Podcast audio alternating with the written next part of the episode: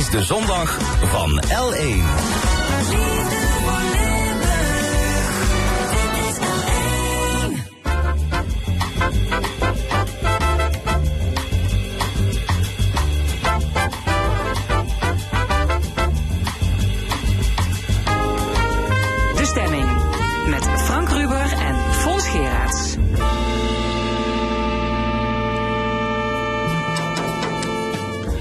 Welkom bij de stemming. In deze uitzending ons derde en laatste verkiezingsdebat. Ditmaal rond de tafel de Limburgse kandidaten Silvio Erkens van de VVD, Geert Gabriels van GroenLinks PvdA en Natasja Wingelaar van NSC.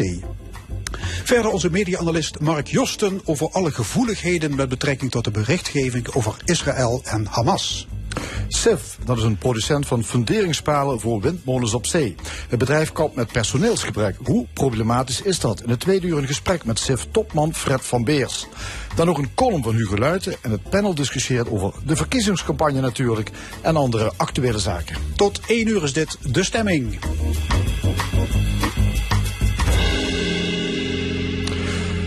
De verkiezingskoers is ja, nu zo ongeveer op het hoogtepunt. Een paar dagen terug wist toch 60% van de kiesgerechtigden nog niet welk bolletje er woensdag groot gemaakt wordt.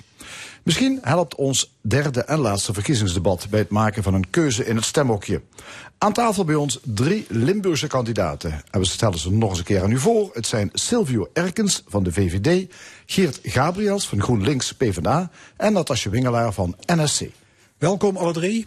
Mevrouw Bengelaar, u bent wethouder in Stijn. Waarom wilt u de landspolitiek in? Nou, ik kom uh, als wethouder dagelijks eigenlijk wel uh, de onmogelijkheden tegen van regels uh, in Den Haag, van Den Haag. Um, en ja, dan moet je ook maar de daad bij het, of het woord bij daad voeren. Ja. En dan ook maar ervoor gaan. Dus toen Pieter Omzicht met een eigen partij begon, dacht u, dit is het moment? Dit is het moment. Ik ga een brief schrijven, ja. Ja, een brief geschreven? Ja. Op gesprek geweest? Ja, een aantal en keer. Toen? En nu staat het verlossende, het verlossende telefoontje op plek 4. Ja. Was u niet een tikkeltje teleurgesteld? Plek 24? Het is wel verkiesbaar, maar. Nee, helemaal niet. Je wilt bij de eerste, bij de eerste 15? Nee, ik was helemaal nee? niet teleurgesteld. Ik ben uit uh, 2434 kandidaten uh, op die plek uh, terechtgekomen. Dus ik denk dat ik daar heel tevreden mee ben. Wat moet er veranderen in dit land? Best veel. In ieder geval een van onze speerpunten: goed bestuur. Oké. Okay. Gaan we straks over doorpraten. Ja. ja duidelijk, makkelijk hè. Uh, Silvio Erkens, um, ja, u zit sinds twee jaar in de Tweede Kamer. Tweeënhalf jaar. Tweeënhalf jaar. Uh, voor de VVD. Uh, hoe bent u overeind gebleven als jongen, opgegroeid in een rijtjeshuis in Kerkrade en dan in uh, de grote politiek? Hoe is dat gegaan? Nou, het was wel wennen, in alle eerlijkheid. maar ik zit er nu tweeënhalf jaar. Ik ben nu nog steeds een van onze jongste Kamerleden met 33. Dus laten we het erop behouden dat ik nog veel energie over heb daardoor. Ja. Um, ja, u bent van, van oorsprong politicoloog. Uh, Nijmegen, nou, dat zag ik althans op het uh, cv staan. Ja, nu, ja, dat, ja nou, ik heb, ik heb daarna, ik heb daarna, nou, jawel, maar ik heb daarna vooral in het bedrijfsleven gewerkt. Ja. En ik denk dat uh, als ik kijk naar politiek Den Haag, ik kom echt van buiten. Ik heb niet in de gemeenteraad gezeten, niet in de provincie gezeten, niet voor de fractie gewerkt. Dat juist dat perspectief van buitenaf ook gezond is in de politiek. En volgens mij heb je juist een, een, ja, een mooie samen uh, ja, een mooie collectie mensen nodig die allemaal wat anders inbrengen in de politiek. Volgens mij is dat wel belangrijk. Dat ja, is mijn conclusie. U was consultant, hè? Dat ja, uh, bedrijfsleven voordat u in de, bij de VVD terecht kwam. Ja, ik dacht al, ja, Nijmegen, politicologie, dat, is, dat, klinkt erg links. En dan kom je toch bij de VVD terecht. Ja, misschien daardoor juist wel, hè, dat je recalcitrant gaat ah, worden. Okay. Maar uh, ik ben gewoon liberaal in hart en nieren. En de VVD is wat dat betreft echt mijn partij. Uh, ook door het optimisme in de toekomst. Dat het allemaal beter kan gaan in dit land. En dat we gewoon uh, verantwoordelijkheid willen nemen om dat te bereiken met elkaar. Ja, stel, u zou 76 zetels halen met de VVD. Dat zal niet gebeuren. Maar, ja, dat gaat niet gebeuren. maar stel, wat, wat, zou u meteen gaan veranderen? Nou, ik denk de twee belangrijkste dingen voor ons zijn nu... Um, dat we ook echt kijken naar ja, toch de betaalbaarheid van het leven voor de middenklasse in Nederland. Dus de dagelijkse kosten zijn gewoon ontzettend hoog geworden. Energie, uh, brandstof, de, de, belastingen zijn hoog, gaan ze door. Daar willen we echt wat veranderen. En de tweede is ook al de reden waarom het kabinet gevallen is... migratie, dat we daar echt grip op gaan krijgen met elkaar. Derde aan tafel is Geert Gabriels, vijftiende op de lijst GroenLinks PvdA. Uh, wat staat er op het spel woensdag? Nou, dat is uh, sinds de peilingen van gisteren staat er uh, heel veel op het spel. We kunnen als land volledig rechts afslaan met datgene wat we de afgelopen twaalf jaar gehad hebben. of we kunnen een socialere koers gaan varen waarin de kloof tussen arm en rijk gedicht wordt, of in ieder geval verkleind wordt. daarna, ja, dat staat toch op het spel. en jullie vrezen met grote vrezen dat er een rechtskabinet wordt geformeerd? nou ja, op dit moment is het zo dat zowel NSC als de VVD als de PVV grote partijen zijn aan, aan, aan de rechterkant van het spectrum. en natuurlijk, we hebben zelf inhoudelijk hartstikke goede ideeën om de kloof tussen arm en rijk te, te dichten. We hebben gezien dat het aantal miljonairs toeneemt, het aantal mensen in armoede toeneemt. En wij zijn er heel erg voor om vermogenden boven het miljoen een eerlijke bijdrage te, te vragen. Uh, om daarmee algemene voorzieningen uh, van, van mensen te verbeteren, te versterken. Ja. U was uh, gedeputeerde van stikstof in Limburg. Ja. U wil dat onderwerp straks graag in uw portefeuille? Uh, nou, ik zou veel meer in mijn portefeuille willen hebben dan alleen stikstof natuurlijk. Het gaat over natuur en gezonde leefomgeving. We hebben bedrijven uh, die best wel veel, ja, laten we zeggen, goede dingen doen voor Nederland. Maar er zijn ook heel veel bedrijven die best wel ook veel verontreinigende dingen produceren. Um, dus daar willen we met z'n allen iets aan doen. Uh, daarnaast uh, ben ik natuurlijk ook van onderwijs en cultuur. Uh, daar was ik wethouder, heb ik als wethouder in mijn portefeuille gehad. Ja. Ook heel belangrijk. Nu heeft Frans Timmermans de CO2-deadline van 2030 overboord gekieperd. Hoe is dat bij jullie gevallen? Uh, nee, dat is niet helemaal waar. Het, hij had het over stikstof. Dat is iets anders. Uh, het ging over... Uh, kijk, onze klimaatdoelen zijn nog steeds 75, 65% reductie in 2030. Waar u nu het over heeft, gaat over 2030 de stikstofdoelen. Mm. die stikstofdoelen staan nog steeds overeind. Maar we moeten met z'n allen natuurlijk wel constateren... dat water en watergebrek aan waterkwaliteit in natuur... Um, beheer en de kwaliteit van natuur een heel erg groot aspect is. Dus het is niet alleen stikstof uh, om natuur te verbeteren, stikstofreductie, maar het is ook uh, investeren in betere waterkwaliteit en ook kwantiteit en droogte tegengaan. Dus natuur ja, maar 2030 staat wel in jullie verkiezingsprogramma. Ja, dat gaan we ook gewoon, uh, daar gaan we ook voor. Ja. Aan de andere kant, ja, het precieze jaartal is misschien ook niet zo belangrijk. Precies, precies. Maar zo'n opmerking wekt wel de suggestie dat er geen haast geboden is. Nee, maar dat, dat de urgentie een beetje ervan uit uh, dat, dat, dat, is natuurlijk heel raar uh, om dat te suggereren. Uh, de enige die natuur echt überhaupt noemde in dat debat waar u naar refereert... was de heer Timmermans. Natuurherstel is hartstikke belangrijk. Biodiversiteit holt achteruit. En wij gaan er alles aan doen, in alle redelijkheid... in samenwerking met boeren en waterschappen... om zo snel mogelijk de natuur te herstellen. Het piept en het kraakt in de zorg in Nederland. Uh, mensen noemen de zorg ook als een belangrijk politiek thema. Vooral oudere kiezers geven dat aan. Um, ja, afhankelijk van wat je aan direct of indirecte kosten meetelt. Ja, rond een 100 miljard euro. Het is een gigantisch bedrag hè, dat wij uitgeven aan zorg. Um, toch zie ik eigenlijk in al jullie programma's geen grote, allesomvattende reddingsplannen voor die zorg. Terwijl mensen zich zorgen maken over de wachtlijsten, de kosten, noem maar op. Uh, waarom toch geen ja, deltaplan voor de zorg in, in verkiezingsprogramma's? Nou. Daar wil ik wel op reageren. Geert Gabriels, GroenLinks PvdA? Ja, in ons verkiezingsprogramma en in de doorrekeningen staat een grote investering van, uh, van ruim 4 miljard uh, investeringen in de zorg en daarnaast ook de marktwerking eruit halen. Dus op dit moment zijn er ook nog heel veel winst- en productieprikkels in de zorg. En er eigenlijk zou er een winstverbod uh, moeten komen, want het is natuurlijk een heel raar... zorg gaat over je welzijn en het gaat niet over geld... Um, dus het is gewoon heel raar dat, dat er nog steeds winstmogelijkheden zijn in de zorg. Um, Daarnaast moeten we iets doen, en dat denk dat iedereen aan tafel het, het met me eens is, uh, aan het personeelstekort. Uh, omdat dat echt een mega groot probleem is. Niet alleen in de zorg overigens, maar in de zorg extreem. Ja, de marktwerking uit de zorg? Nou ja, kijk, je ziet, je ziet het probleem van het zorgsysteem bijna in elk Europees land. In het Verenigd Koninkrijk bijvoorbeeld ook, waar je de National Health Service hebt. Dus daar is die winstprikkel niet. Um, volgens mij zijn we het er allemaal over eens dat er inderdaad geen overwinsten geboekt kunnen worden. Dus een strengere toezichthouder, uh, daar uh, strakke opzitten, dat vinden wij ook. Je ziet ook dat elke partij eigenlijk de komende jaren ook de zorguitgaven verder laat groeien. Omdat we het ook van belang vinden met elkaar. Maar ik denk inderdaad dat er geen makkelijke oplossing is. Uh, dus een deltaplan zorg inderdaad. Um, ja, partijen noemen het niet, omdat je volgens mij ook niet de verwachting wil wekken dat je daarmee alles gaat oplossen. Ja, of, of is dat ook... is terecht, de tekorten zijn groot in de sector. Um, we zien tegelijkertijd dat de techniek ook voorschrijdt. We hebben steeds betere behandelingen. Mensen worden steeds ouder. En in combinatie, combinatie daarmee wil je ook de zorg betaalbaar houden. Dus wat moet je gaan doen? Je moet gaan zorgen dat inderdaad de tekorten uh, minder gevoeld gaan worden in de sector. Dus hoe kun je mensen inderdaad belonen als ze meer gaan werken in de zorg? Hoe zorg je ervoor dat mensen ook meer tijd voor de patiënt hebben die in de zorg werken en minder voor de bureaucratie erbij? Uh, de toezichthouder gaan ze door, maar het zal waarschijnlijk een, een hele lijst van ja, verbeterpunten over de hele linie moeten zijn waarmee we beter maken. Maar er is geen magische oplossing. Nee, of, of is het gewoon niet toch uh, angst om uit te leggen dat het allemaal veel duurder gaat worden? Uh, nou, Want dat nee. is dus voor de kiezers natuurlijk uh, geen prettige boodschap. Nee, dat klopt. we zijn ook een vergrijzende provincie. Natasja Wingelaar van NSC. ja. Dank u wel. Maar kijk, het werd net al aangehaald, hè, bureaucratie, ja, die is gewoon gigantisch. Zorgmedewerkers besteden 40% van hun tijd aan het invullen van formulieren. Daarmee wil ik niet zeggen dat het patiëntendossier niet op orde moet zijn. Maar we zijn helemaal doorgeslagen in al die certificeringen. In, op de ledendag van NEC was een directeur van een heel groot ziekenhuis 152 certificeringen. Hoeveel mensen zijn daar aan het werk, denkt u voor? Dadelijk zijn we meer mensen aan het bureau in het werk dan met handen aan het bed. En over het personeelstekort, ja, um, 50% van de, van de zorgmedewerkers werkt 25 uur of minder. Sommige bewuste keuze, helemaal prima, voor zorg voor kinderen. Maar 1 op de 8 geeft gewoon aan dat ze heel graag meer zouden willen werken. Maar dat loont helemaal niet. Dus daar moet echt iets aan gedaan worden. We zijn helemaal doorgeschoten. belastingmaatregelen? Ja, met al die toeslagen. We moeten gewoon zorgen dat werken loont. Dan neem je echt al een stuk uh, van dat personeelstekort neemt dan af. Ja, als je het hebt over personeelstekort waar het heel duidelijk is... dat is in de discussie rondom het Zuiderland ziekenhuis in Heerlen... Ja, waarvan de, ziekenhuisdirectie aangeeft... we gaan dat ziekenhuis transformeren in een dagbehandelcentrum. Spoeduisende hulp bijvoorbeeld gaat dan verdwijnen in Heerlen. En dat zou alles te maken hebben met het feit dat er op termijn daar niet genoeg personeel meer te vinden is. Wat vinden jullie van deze optie? Die kwam natuurlijk in de debatten al uh, aan bod. Het was uh, al gefixt, toch? Het was al gefixt, hè? in het SBS-debat, jullie politieke leiders, die zeggen daar opeens...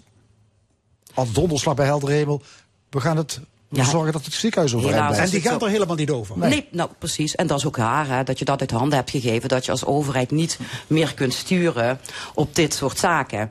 Uh, dus dat is wel ook wel een punt uh, van... Ja, maar jullie hebben er met verbazing dus naar gekeken. Nou, jullie eigen lijsttrekkers... Ik vond het goed. Ja? precies. Want wij hebben wel in ons uh, verkiezingsprogramma staan dat streekziekenhuizen, en zeker in die regio, zeker in de regio Parkstad, laten we niet nog een keer het rapport elke regio ja. telt erbij halen. Ja, uh, nieuw sociaal contract, dus uh, staat hier volledig achter. Zeker. Uh, ja, wij staan als GroenLinks PvdA? Wij staan er natuurlijk ook heel, helemaal achter. Want het is heel raar dat als je bijvoorbeeld in Vaals woont en het ziekenhuis in Heerlen of de spoedeisende hulp zou weggaan, dan is het Zuiderland ziekenhuis in Sittard echt extreem, extreem ver weg. Ja. En zeker in die regio waar we met z'n allen de gezondheid uh, uh, ja, op, op inzetten. Dat, het kan niet zo zijn dat daar uh, geen, in een stad met bijna 250.000 inwoners, geen volwaardig ziekenhuis is. Nou, dan even over die personele kwestie. Als je jarenlang de publieke sector, waar de zorg toe hoort, eigenlijk een, op de tweede plek hebt gezet en de marktsector op één hebt gezet, is het heel raar om dan vervolgens te zeggen, ja, maar werken in de zorg, uh, ja, dat moeten we allemaal stimuleren. Dat, dat hadden we moeten doen en dat moeten we gaan doen door hogere lonen, maar ook door inderdaad wat mevrouw Wingelaar zegt, uh, die bureaucratie uh, terugdringen. Helemaal mee eens.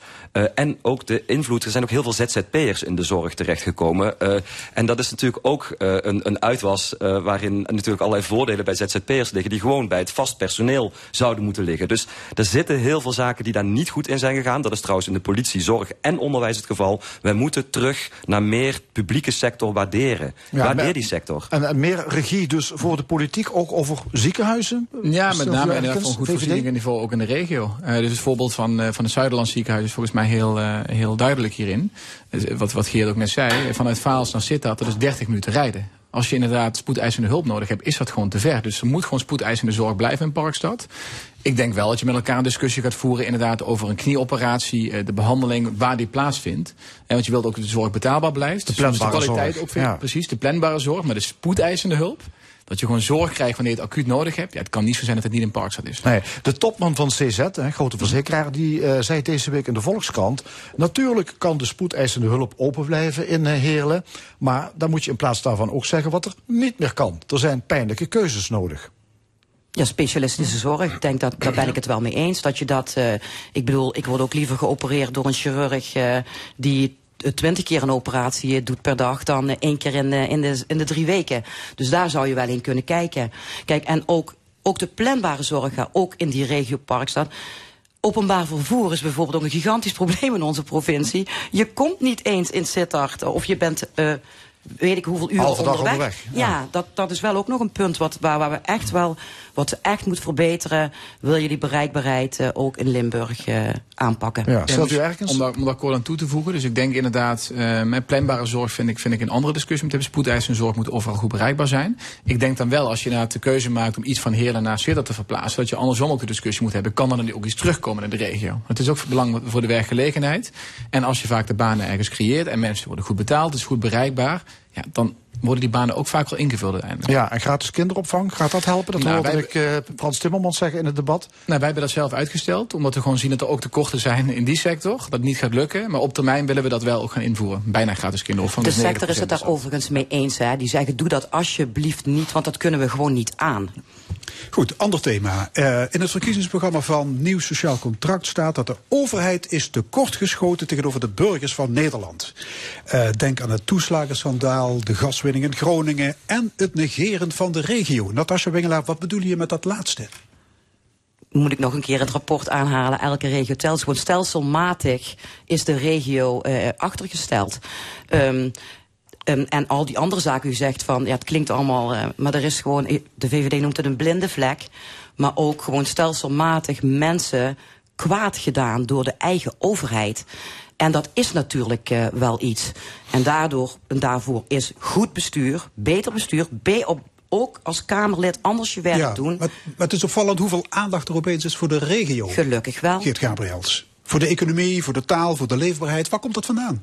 Nou, ik denk dat het uh, niet alleen om de regio gaat. Er zijn ook bijvoorbeeld in de Randstad wijken uh, van steden waar uh, veel minder aandacht voor geweest is en waar, daar, waar ook heel veel problemen zijn. Maar het is natuurlijk ook waar dat, dat wij hier te maken hebben in Limburg bijvoorbeeld met grensoverschrijdende verbindingen waar minder in geïnvesteerd is.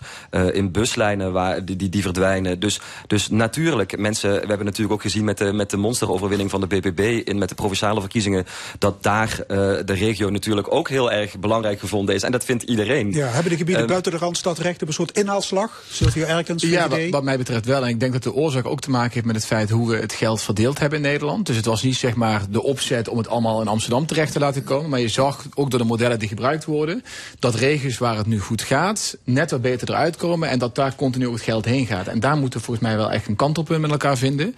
We moeten echt naar andere criteria gaan kijken op het geld verdeeld uh, gaat worden. En dat kan ook te maken met welke potentie je in de regio in de toekomst ziet. Want mm -hmm. ik heb nog niet het gevoel um, dat het te maken heeft met dat, hè, dat Limburg geen potentie heeft, dat men het denkt. Maar volgens mij moet je dan wel durven investeren in de toekomst. En als inderdaad uit die modellen net wat anders komt, Geert zei het ook, het heeft ook te maken met infrastructuur dan wordt dat, dat komt er net beter uit, omdat er net iets meer mensen in die regio bij elkaar Maar, maar we moeten maar stoppen met op modellen, hè? met alle respect. Ik zeg wel eens gekscherend, nu wordt die Maaslijn dan eindelijk uh, geregeld.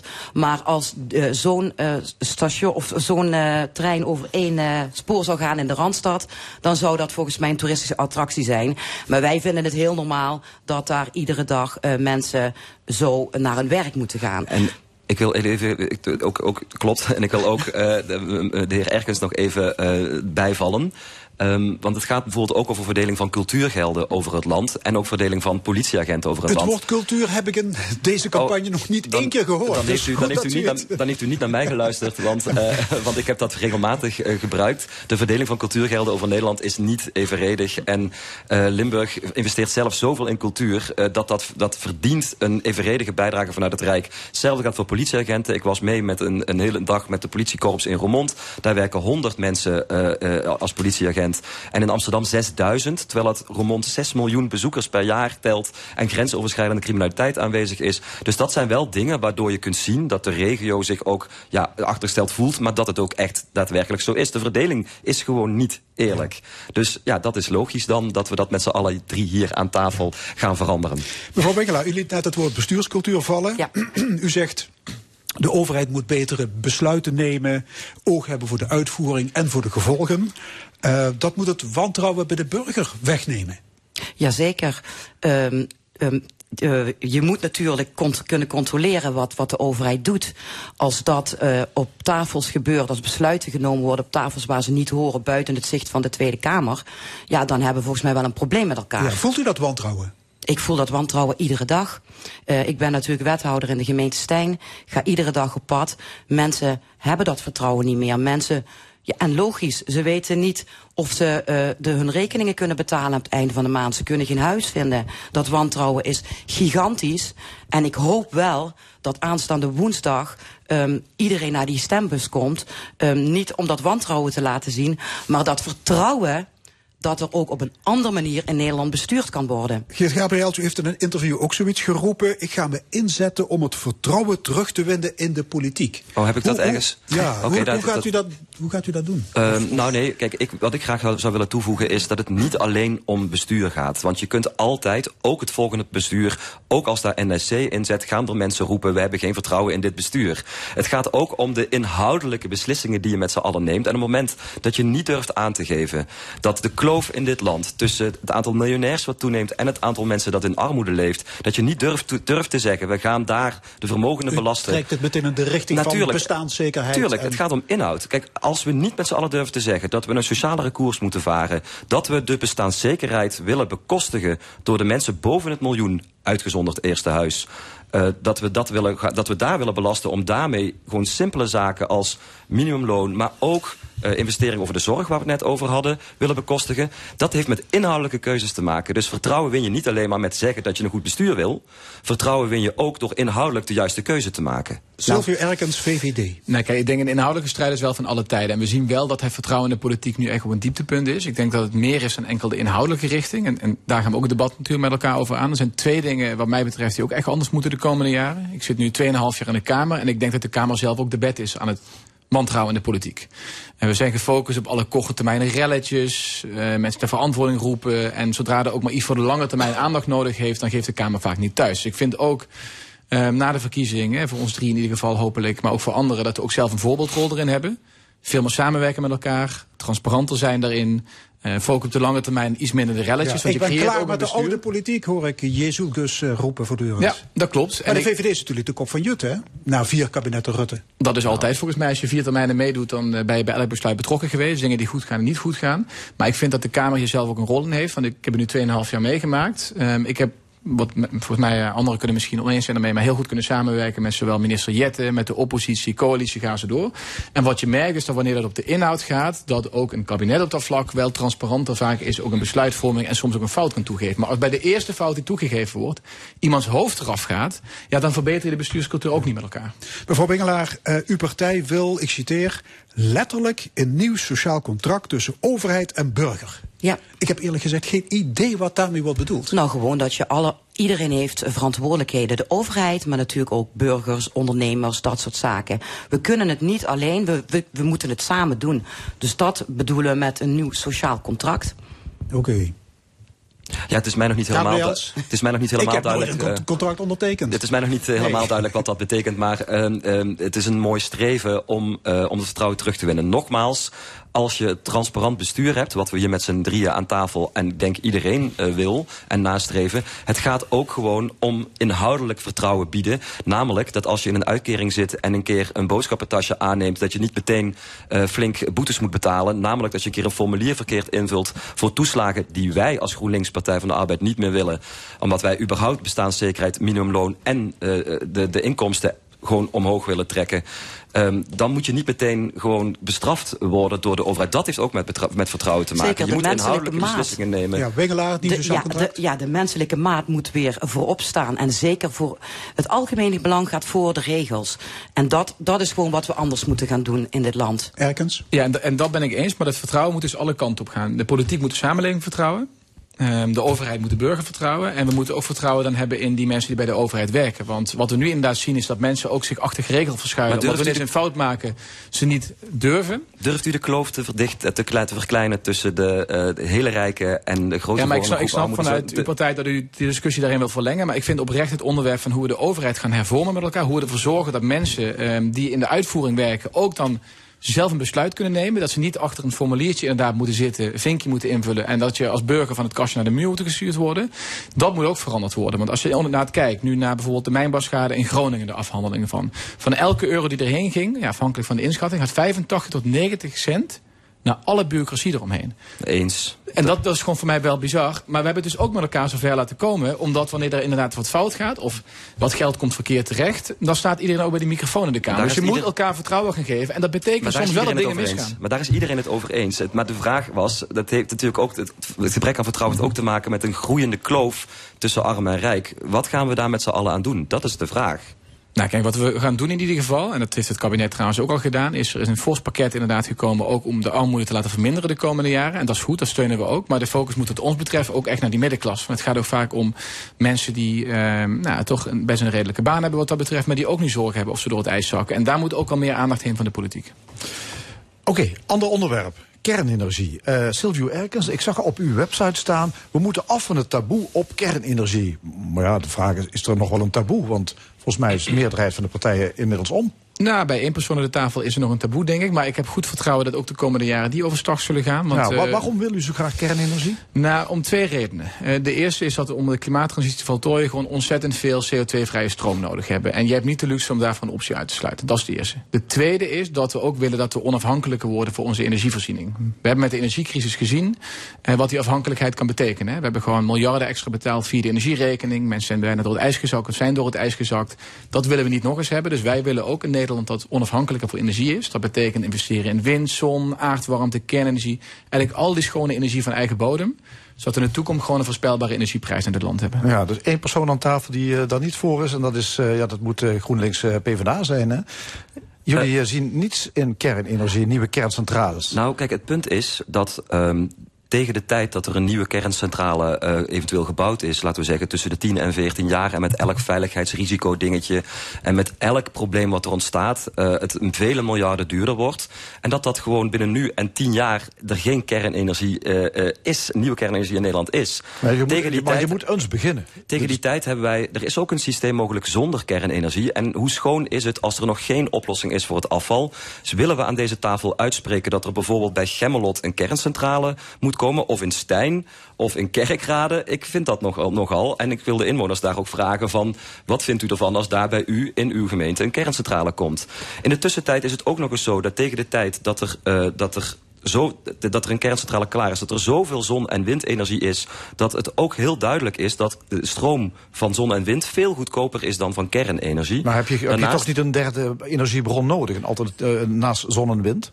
Nee, want op het moment, er zijn maar 10 of 15 dagen dat, dat de zon uh, niet schijnt en dat het, dat, het, dat het niet waait. En dan zijn er heel veel andere opties, namelijk waterstof, batterijopslag voor de korte termijn. Er zijn opties. En dat heeft het nationale expertteam ook gezegd. Stel je ergens, we hebben duidelijk. die kerncentrales helemaal niet nodig, begrijp ik. Nee, maar dit, dit klopt feitelijk ook gewoon niet. Uh, je kunt het volgens mij naar Duitsland kijken hoe het gaat als je inderdaad volledig op wind en zon inzet en zelfs bestaande kerncentrales sluit. We wonen hier in Limburg. De bruinkoolmijnen zijn net over de grens te bezichtigen. Het is afgrijzelijk wat er allemaal uitgestoten er wordt. En maar dat zijn bestaande centrales. Als je naar de toekomst kijkt, dan zie je gewoon dat met kernenergie, een beperkt aandeel, hè, dus je hebt ook heel veel wind en zon, meer dan kernenergie, dat dat systeem goedkoper is, omdat je ook in al die infrastructuur moet gaan investeren. In batterijopslag gaan ze door. En die kosten worden ontzettend groot. We zien dat die kosten ook toenamen. Een maand geleden werd aangekondigd dat alleen het stroomnet voor wind op zee al met 41 miljard euro extra toeneemt. Nou, zelfs in de meest um, negatieve uh, scenario's, daar kun je ook vier grote kerncentrales van bouwen. Ja. Dus je moet volgens mij juist Hoeveel al die technieken... Even, even dan dat was je Wingelaar van de NRC. Nou, ik denk dat er in, inderdaad iemand even tussenin moet gaan zitten. Ja. Uh, meneer Gabriel zegt niet. Uh, meneer, uh, bij, voor de VVD is het bijna de heilige graal, zeg maar. Wij zetten in op twee kerncentrales. Dat kunt u heel duidelijk in ons programma lezen. Nou, waarom doen we dat? Um, want inderdaad, met al die wind op zee en al die zonnepanelen gaan we het gewoon weg niet redden. Um, een derde van de vraag wordt dadelijk niet uh, opgelost. Dus we zullen wel, willen we uh, wat meer uh, sturing kunnen geven, die kerncentrales moeten bouwen. Want we willen toch niet weer, toen de oorlog in Oekraïne uitbrak, dat mensen in één keer, hoe afhankelijk we van het gas waren, dat de, de, de gasrekeningen torenhoog waren. We moeten zorgen dat we zoveel mogelijk zelfvoorzienend zijn. Want meneer Gabriels, die hoopt dat hij kan aankloppen bij de buren voor uh, dadelijk wat elektriciteit op een uh, windstille novemberavond. Uh, maar steeds meer landen zetten daarop in. Je zal als overheid daarop moeten sturen. Een kerncentrale is er pas over tien jaar. We hebben nu een probleem met de klimaatcrisis. Het wordt steeds korter, hè? De, die uh, periode dat die... Uh, nou ja, nee, het is in ieder geval een lange periode. Uh, in, in, Frankrijk komt er elk jaar een keer een jaartje bij... en elk jaartje een miljardje erbij. Laten we dat even vooropstellen. Maar nog één ding wil ik hier aan de discussie toevoegen. We hebben in Limburg ontzettend veel lokale energiecoöperaties. Die lokale energiecoöperaties die zijn van, van Limburgers. Die zijn van dorpsgenoten, wijkgenoten, stadsgenoten. En die hebben daar zijn zelf eigenaar en hebben zelf zeggenschap over hun eigen energievoorziening. En dat is wat wij nastreven. Lokale energiecoöperaties waarin ook de opwek en de afname dicht bij elkaar is. En waarin de winsten niet naar allerlei bedrijven gaan, maar naar lokale energiecoöperaties, lokale gemeenschappen. En dat vinden wij, omdat het kan, een slimmer idee dan ergens een kerncentrale uh, bouwen. En nou zijn er ook, is er net een atoomcoöperatie uh, gestart. Maar Heel toch mooi. blijft kerncentrales, dat blijft een ver van mijn bedshow. Los en afgezien nog van het afval en het uranium, wat je ook ergens vandaan moet halen. Dan kan ik één vraag stellen dan aan de heer Hapiels. Want hij geeft aan, hè, het duurt tien jaar, het komt te laat. Maar voor wind op zee hebben we plannen tot 2050 gemaakt. Moeten we dan ook mee stoppen? Nee, we moeten doorgaan met wind op zee. Maar dat is tot 2050. Dus uw argument ja, maar, van het komt te nee, laat, dan nee, kan dat ook niet een, kloppen. Nee, maar u weet dat er, dat er een energiesysteem met kernenergie mogelijk is... en dat er een energiesysteem zonder kernenergie mogelijk is. Wij kiezen voor een energiesysteem zonder kernenergie. Denkt goed, meer, meer, over wind op zee trouwens in ons tweede uur straks na 12 uur. Ja, goed, goed, dan een onderwerp op het snijvlak van economie, ruimtelijke ordening en landschap. De onstuitbare groei van mega-distributiecentra. Uh, vooral in Midden- en Noord-Limburg is die verdozing zichtbaar. Is het een plaag? Gabriels, ja, het is, PvdA. Ja, het is een enorme plaag. Uh, we zien op allerlei mooie landschappelijke stukken um, enorme distributiehallen verschijnen. In Weert, nu woonplaats, ja. komen er mogelijk twee nieuwe bij. Ja, daar is een heel veel ophef over. En het, het is uh, ook qua vrachtwagenvoorzieningen uh, en, en, en ritten op en neer... Een, ja, gewoon geen lust voor ja, het leg eens uit, wat is het probleem met die grootschalige distributiecentra. Nou kijk, op het moment dat je in, in Nederland een gevecht hebt om de ruimte... waarin woningbouw nodig is, natuurontwikkeling nodig is... waarin uh, er ook landbouw uh, verduurzaamd moet worden... waar je meer ruimte voor nodig hebt... Uh, dan gaat het dus om een gevecht om de ruimte. Op het moment, dat je dan van zulke enorm grootschalige dozen plaatst... op allerlei plekken die landschappelijk gewoon echt niet oké okay zijn... maar ook voor heel veel vervoersbewegingen zorgen... kun je afvragen of dat de economie is die we met z'n allen willen. Nog afgezien van het feit dat daar een hele grote stroom mensen op afkomt die daar moet werken. Uh, die ook huisvesting... Arbeidsmigranten uit uh, Oost-Europa. Uh, ja, bijvoorbeeld. Uh, die, die ook ergens gehuisvest moeten worden. Ja. En dat, dat systeem uh, uh, is een systeem wat, wat wij niet direct nastreven... los van alle verontreinigingen, los van alle landschappelijke problemen. Je hoort vaak zeggen, de lusten zijn voor de investeerder... en de lasten voor de omwonenden. Silvio Erkens, VVD. Is daar een spel tussen te krijgen? Ja, nee, ik, ik denk het niet. Ik ben het, ben het er grotendeels ook mee eens. Ik denk dat we volgens mij wel met elkaar moeten constateren... dat we inderdaad allemaal ook die pakketjes bestellen thuis. En dat we daardoor ook de logistieke centra uh, hebben.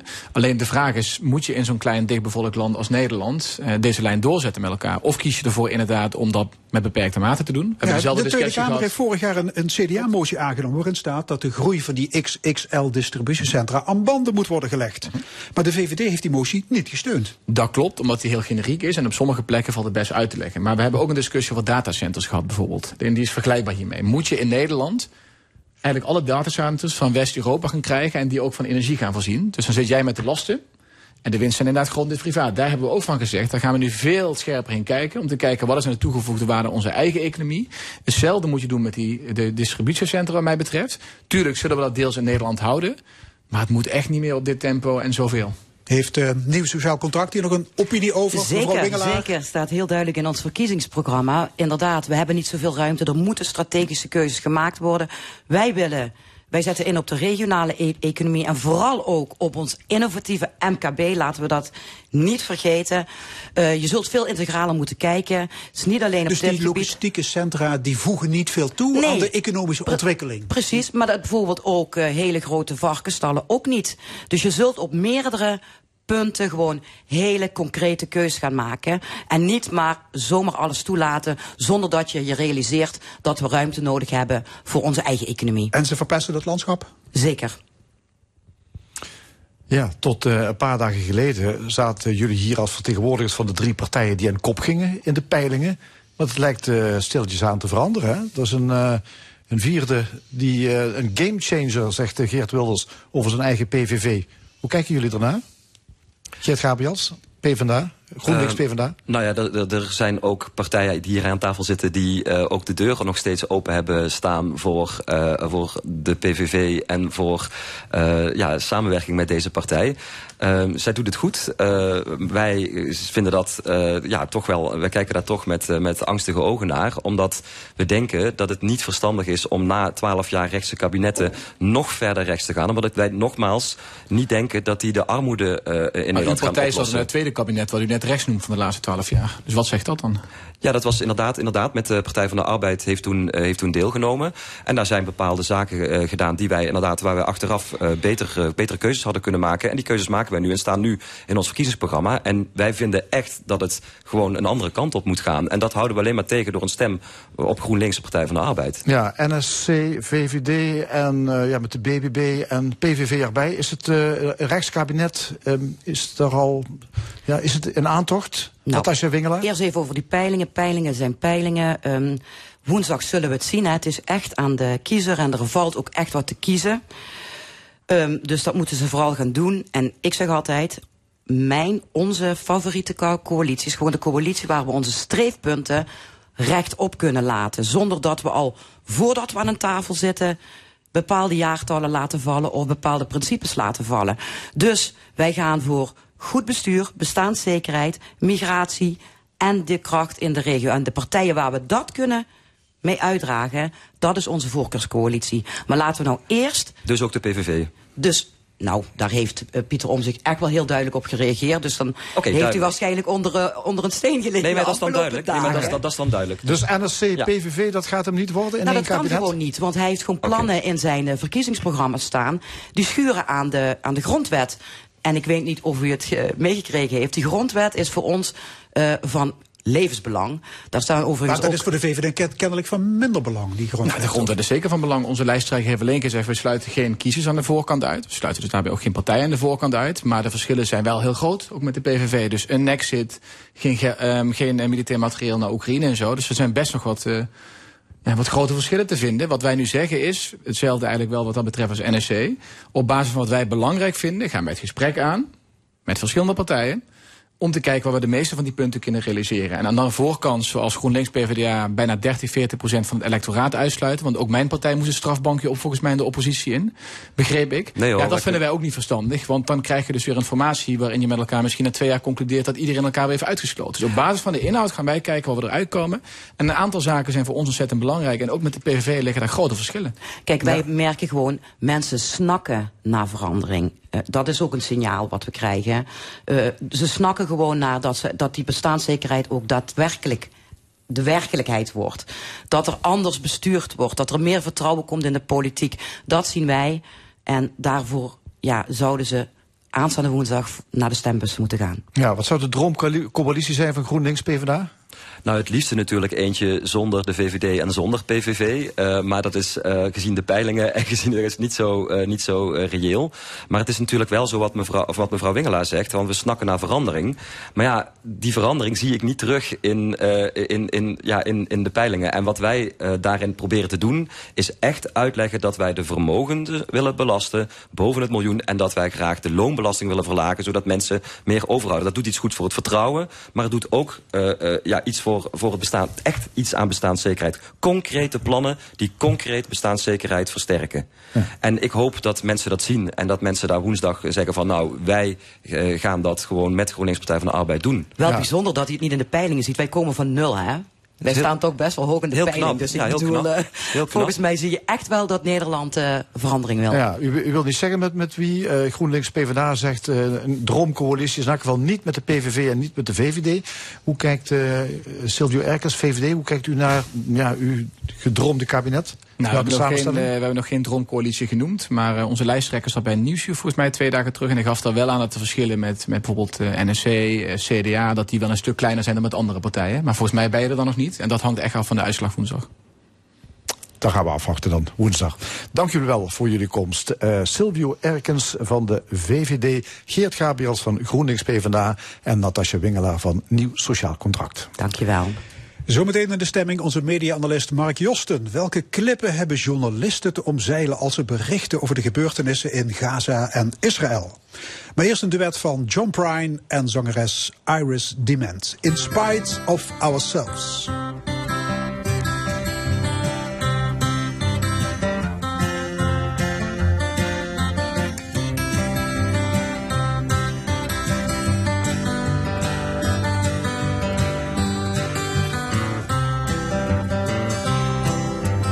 She don't like her eggs all runny. She thinks crossing her legs is funny. She looks down her nose at money. She gets it on like the Easter bunny. She's my baby, I'm her honey. I'm never gonna let her go.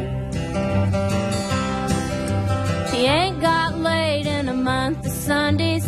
Caught him once and he was sniffing my undies.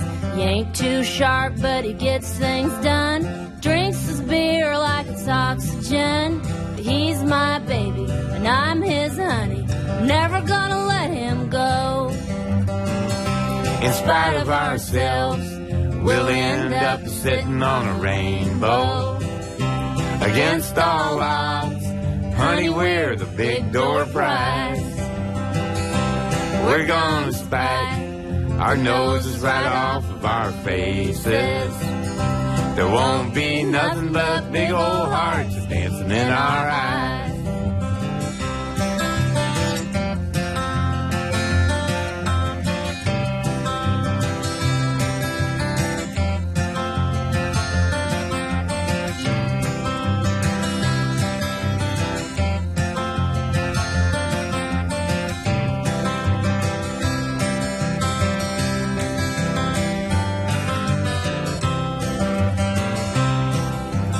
She thinks all my jokes are corny. Convict movies and make her horny. She likes ketchup on her scrambled eggs. Swears like a sailor when she shaves her legs. She takes a licking and keeps on ticking. I'm never gonna let her go. He's got more balls than a big brass monkey. He's whacked out weirdo and a love bug junkie. Sly as a fox, crazy as a loon. Payday comes and he's a howling at the moon. He's my baby. I don't mean maybe. Never gonna let him go.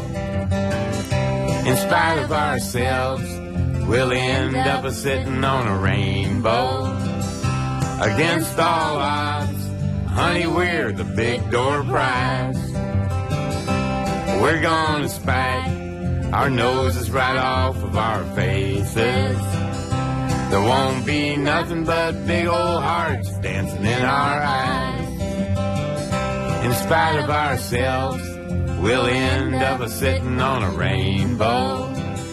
Against all odds, honey, we're the big door prize. But we're gonna spike our noses right off of our faces. There won't be nothing but big old hearts dancing in our eyes. There won't be nothing but big old hearts dancing in our eyes. In spite of ourselves. De Analist. Vandaag met media-analyst Mark Josten. Goedemorgen, Mark. Ja, goedemorgen, Frank. Ja, goed dat je er bent. Uh, ja, het conflict Israël-Hamas, uh, dat zal niemand ontgaan zijn wat er allemaal aan de hand is. Het is een conflict dat zich niet alleen afspeelt in Israël-Palestina, maar eigenlijk ook bij ons, hè, in, in woorden. Uh, het splijt ja, een beweging Extinction Rebellion, en ook een partij als GroenLinks PvdA. Um, de ITVA, het grootste documentaire festival. Dat was ook uh, uh, ambtenaar van het ministerie van Buitenlandse Zaken. Nou ja, noem maar op. Iedereen uh, heeft hier wel een mening over en is in ja, zichzelf daarmee bezig. Um, wij gaan het hebben over de journalistiek. Ja. Als je kijkt naar het journalistieke landschap, ja. kun je zeggen dat is ook hartstikke gespleten? Ja, ik, ik, ik kan niet anders zeggen dan ja. En dat is natuurlijk hartstikke lastig om dat, uh, om dat te constateren. Maar we leven echt in een tijd waarin ja, heel snel waar je in een kamp wordt ingedeeld. En als ik, en ik denk ook heel veel andere journalisten, iets niet willen... is dat je vooraf in een kamp wordt ingedeeld. Want je wil beetje boven die werkelijkheid hangen. Uh, en vooral bij Israël-Hamas ligt het ongelooflijk ingewikkeld. En wat ik probeer te doen, dat is toch zoveel mogelijk bij de feiten te blijven. Maar omdat het zo moeilijk is, merk ik al aan mezelf dat ik het onderwerp niet heel gauw aansnij. Ik doe het met, uh, nou ja, zeg maar, onder mensen wie ik denk van die, die kunnen er in ieder geval in, uh, in een zekere rust over praten. Zoals met jullie hier en met, uh, ja, met bepaalde groepen. Ik, ik, ik vind het een heel moeilijk onderwerp. En als je dan bij die, als je toch bij die feiten probeert te blijven, dan is het in dit geval, maar dat is natuurlijk wel, dat geldt voor veel oorlogen, maar zeker bij deze, is het ook wel heel moeilijk om zo lang mogelijk bij de oordelen weg te blijven. Want er is natuurlijk aan beide kanten. Het bloedvergieten is verschrikkelijk. Moeders, kinderen, uh, uh, ze sterven bij de bosjes. Ja, dan wordt het ook wel heel moeilijk om daar um, heel klinisch en feitelijk uh, boven te hangen. Dus het is ongehoord moeilijk, Frank. Ja. Uh, als je kijkt naar het journalistieke landschap, om daar nog even naar terug te gaan. Uh, het is misschien een beetje simpel, maar toch, als je kijkt, links is vaak iets meer betrokken ja. bij de ellende in ja. Palestina, en Hamasgebied. En rechts komt vaker op voor de belangen ja. van Israël. Ja. Dat is wel iets wat je toch wel ziet. Ja, dat, uh, absoluut. En dat, uh, dat, dat is misschien ook historisch verklaarbaar. Maar ik probeer er toch opnieuw weer een beetje boven te hangen. Want het bloedvergieten is echt aan beide kanten. En uh, als je ook terugkijkt naar de lijn van agressie die gaat behoorlijk over en weer. Het is niet, bijvoorbeeld Rusland, Oekraïne ligt net iets anders. Daar is Rusland echt daar is vrijwel iedereen het over eens. Die is de agressor. Hier heb je aan beide kanten hele agressieve daden gehad tegen de menselijkheid. En het enige waar je naar moet kijken is, ja, uh, um, wat, is er, wat is er precies gebeurd? Wie draagt waar verantwoordelijkheid voor? En ja, proberen toch tot, een, uh, tot goede inzichten te komen die tot hopelijk ooit een keer een iets rustige zakelijke discussie over dit conflict gaat leiden. Ja, want je zegt het gaat er eigenlijk om om zoveel mogelijk feiten ja. te verzamelen. Ja. Dat is dan toch ja. de basis.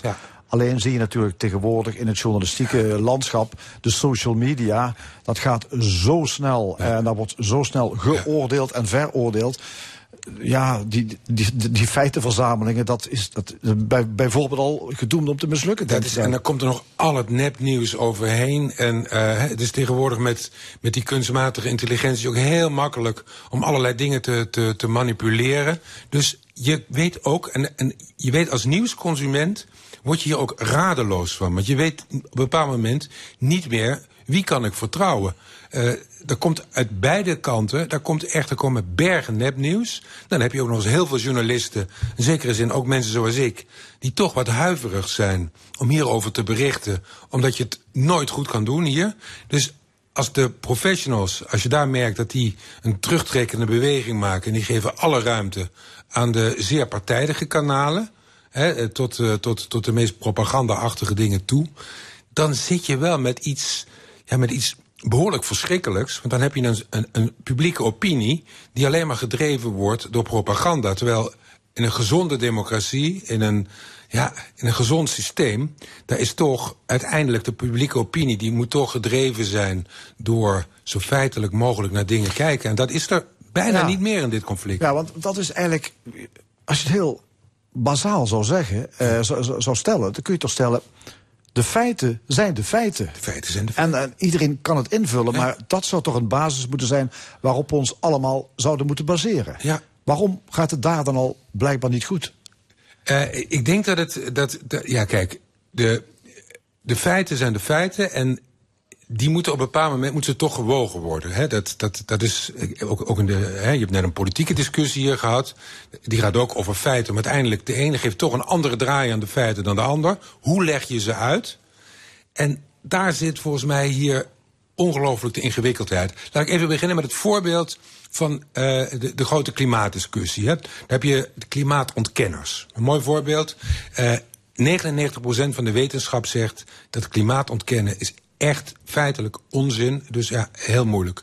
Um, het, als journalist zit je ook nog eens met het, met het punt wie, welke, um, welke perceptie van de feiten, dus welk oordeel over de feiten, geef je hoeveel ruimte. Want is het eerlijk bijvoorbeeld om een klimaatontkenner evenveel ruimte in de discussie te geven aan de talkshowtafels als die 99 procent?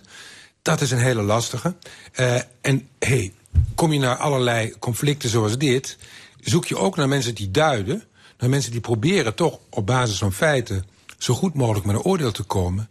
En op het moment dat die oordelen steeds hysterischer worden, wordt het ook heel erg moeilijk om daar een goed gesprek over te voeren. En dat opzicht vond ik net uh, het gesprek gewoon over de, de binnenlandse zaken. Het viel me trouwens op dat behalve cultuur het buitenland ook helemaal niet ter sprake kwam. Maar dat was wel een. Ik, ik, ik merkte toch als. Uh, als daar zat wel een positieve ondergrond in ja. het gesprek. Maar dat, en daar, en dat, en daar dat is bij Israël Hamas natuurlijk helemaal afwezig, die nee. positieve. Nee, bij, kijk, maar uh, bij, bij de, aan de radicale Israëlische kant is die redelijkheid er ook niet. Hè? Want daar moet het ook over hebben, die proportionaliteit aan die kant. Uh, ik, ik vind, kijk, dat eh, word ik te negatief voor. Er zijn natuurlijk ook best mensen die proberen, die een poging doen om er een beetje boven te hangen. Ik vind een mooi voorbeeld burgemeester Halsema van Amsterdam. Met de oproep van, van gisteren. Van, mensen, let op elkaar. Zorg dat dit niet gaat leiden tot grote uh, moslimhaat en ook niet tot grote haat tegen de Joodse bevolking in Nederland. Dus uh, de, de stem van de redelijkheid, die ja, die, die, is, die is moeilijk te zoeken, maar die is er wel. Ja. Als je kijkt, dus uh, het is behoorlijk gepolariseerd. Ja. Uh, journalisten hebben ook moeite om, ja. ja uh, om, om dit nieuws op een goede manier te brengen. Ja. Wat, wat kunnen de, de effecten zijn van deze manier van journalistiek op eieren lopen? Nou, waar ik het allerbangst voor ben, dat is dat, dat mensen nieuws gaan mijden. Dat ze helemaal, um, nou ja, het, het niet meer willen volgen. En dan eigenlijk alleen nog maar bezig zijn met, met dingen in een, in eigen kring. Daarom, ik, ik zei niet van niks net dat ik het jammer vond dat het buitenland niet aan de orde kwam. Uh, het, het buitenland is naast cultuur en andere zaken ook heel erg belangrijk. Naast de onderwerpen uiteraard als bestaanszekerheid, et cetera, et cetera. Maar er zijn een paar onderwerpen die gewoon onze toekomst van de komende 50 jaar gaan bepalen. En ja, als mensen dan gaan nieuws mijden, dan weet je uiteindelijk niet meer waar je het over hebt. Over, wat voor wereld je moet oordelen. Want als je naar dat stemhokje gaat en iedereen moet gaan stemmen, daar ben ik met de sprekers net ook eens. Iedereen moet gaan stemmen. Um, maar dan moet je wel weten waarover je stemt, wat je oordeel is. En als, als daar echt een, een, een soort, ja, moet ik zeggen, een apathie gaat ontstaan, van een wegkijken.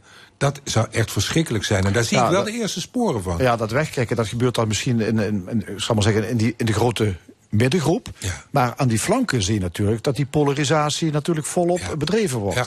En met succes. En dat, en dat, dat, dat stemt toch ook somber. En um, ik denk dat het echt zaak is ja. voor, voor al die mensen. Zeggen, nou, net... nog, nog, nog iets positiefs om af te ronden dan toch? Nou ja, uh, iets positiefs om af te ronden. Ik denk dat, dat iedereen een, een, in gesprek moet gaan zoals wij hier gaan. En proberen toch uh, te kijken, zit, zit er toch nog licht aan het eind van de tunnel? En dat moet er zijn, we moeten hoopvol zijn. Dus we, moeten het nieuws blijven volgen, we moeten gaan stemmen. En toch ondanks alles optimistisch blijven. Dankjewel, Mark Josten, hoofdredacteur van Omroep Human. Straks in de stemming Fred van Beers, de topman van SIF in Roermond, een internationaal opererend bedrijf dat funderingspalen voor windmolenparken op zee maakt. Verder een column, discussiepanel en nog veel meer. Blijf luisteren. Tot zometeen.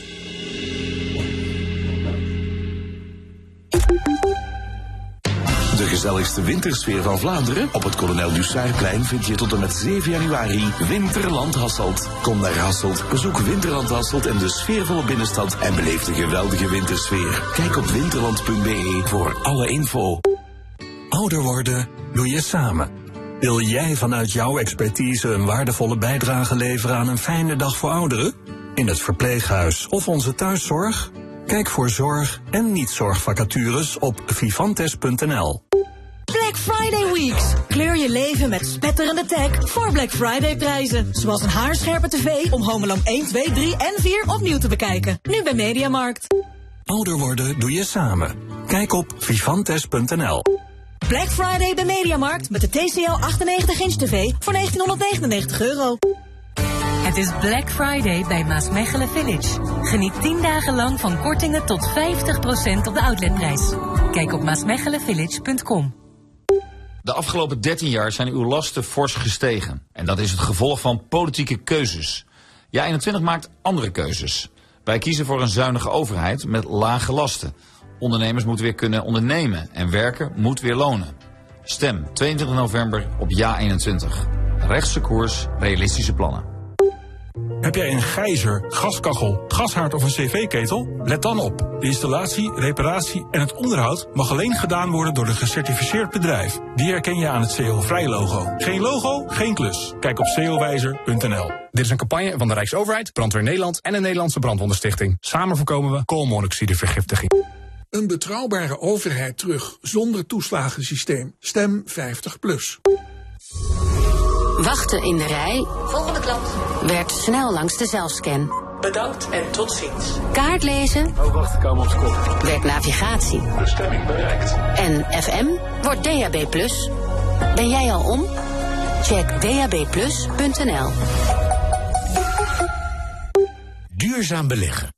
Dat is toch alleen voor grootverdieners, zul je misschien denken. Maar gelukkig kan duurzaam beleggen ook met minder grote bedragen. Met 20 euro kun je namelijk al beginnen. Ga naar asnbank.nl en beleg je geld op een duurzame manier. Zo maakt geld gelukkig. ASN Bank. Let op, met beleggen loop je risico en maak je kosten. Je kunt je inleggen of een deel daarvan verliezen. Jouw regionale omroep beluister je nu via DAB+. Dus ook L1. FM wordt DAB+. Ben jij al om? Beste Limburgers, mijn naam is Ralf Diederen en ik wil iedere dag knokken voor Limburg in Den Haag. Daarom stem op Lies 5, nummer 15. Dit is L1 met het nieuws van 12 uur. Gert Kluk met het NOS Journaal. Tivoli Vredenburg in Utrecht heeft alle evenementen en concerten voor vandaag afgelast. Aanleiding is een dodelijke steekpartij in het muziekcentrum vanochtend rond 7 uur. Het is niet duidelijk wat de dader en het slachtoffer op dat moment in Tivoli Vredenburg deden. Er waren geen evenementen meer en alle bezoekers waren naar huis. De man die stak is gevlucht en is nog niet aangehouden. Israël en Hamas zijn volgens de Washington Post dicht bij een akkoord over een gevechtspauze van tenminste vijf dagen. In die vijf dagen zouden enkele tientallen vrouwen en kinderen... die op 7 oktober door Hamas werden ontvoerd naar de Gazastrook... moeten worden vrijgelaten. In totaal worden zo'n 240 mensen vastgehouden. Tijdens de gevechtspauze zou verder de noodhulp voor de Palestijnse bevolking moeten worden opgevoerd. Officieel is er nog niets over een mogelijk akkoord gezegd. Kiev was vannacht opnieuw doelwit van een Russische aanval met drones, zo melden de Oekraïnse autoriteiten. De meeste drones zouden zijn neergehaald. Ook gisternacht is Oekraïne met drones aangevallen. President Zelensky denkt dat Rusland afgelopen maanden raketten heeft opgespaard voor een winteroffensief tegen de Oekraïnse energievoorziening. Doel daarvan is dat burgers in de kou komen te zitten. Max Verstappen heeft in Las Vegas de voorlaatste race van het Formule 1 seizoen gewonnen. De Nederlander, die al wereldkampioen is, was in een race vol incidenten en ondanks een tijdstraf alsnog de snelste. Het was Verstappens achttiende overwinning van het seizoen. Ferrari-coureur Leclerc werd tweede en Verstappens teamgenoot Perez finishte als derde. Het weer af en toe zon, verder veel bewolking en kans op een bui. Eind van de middag gaat het in het noorden stevig regenen. De temperatuur ligt rond de 12 graden. Aan de kust waait het krachtig tot hard. Morgen wisselvallig en dan wordt het 10 tot 12 graden. Dit was het NOS Journaal. Op 20 november is de bijeenkomst van MKB Limburg in het Roda-stadion. Twee dagen voor de verkiezingen hebben wij een viertal Kamerleden op bezoek. Van de VVD, BBB, NSC en het CDA. We vragen hen wat zij kunnen betekenen voor de Limburgse ondernemers. Check mkblimburg.nl nu bij Subaru Eusen. De volledig elektrische Subaru Solterra. Maak kennis met deze prachtige SUV. Geniet van een proefrit en kom naar onze showroom in Ransdaal. De nieuwe Subaru Solterra. Kijk op eusen.nl. Meld je aan voor de bijeenkomst op 20 november van mkblimburg.nl. Voor de mooiste en voordeligste tegels gaat u naar Tegelstudio Seruniek in Maastricht. Bij Seruniek vindt u de juiste tegel voor iedere woonstijl. Ontdek het uitgebreide assortiment aan Italiaanse keramische tegels. Kijk ook op seruniek.nl. Wilt u een bedrijfspand verkopen of verhuren? Kies voor de juiste aanpak met Royworks de Makelaar. De specialist in bedrijfsonroerend goed voor de westelijke mijnstreek. Kijk voor het totale bedrijfsonroerend goed aanbod op royworks.nl. Nederland kan beter. Iedere dag BB Beter. Jouw stem maakt het verschil. Stem voor gezond verstand. Stem 22 november BBB. Want 23 november is het te laat. Stem BBB. Nu bij Jumbo. Zak kruimige aardappelen 3 kilo 2,49. Honingmixen 36 tot 125 gram 1 plus 1 gratis. Douwe Egberts bonen of oploskoffie 2 verpakkingen voor 10,99.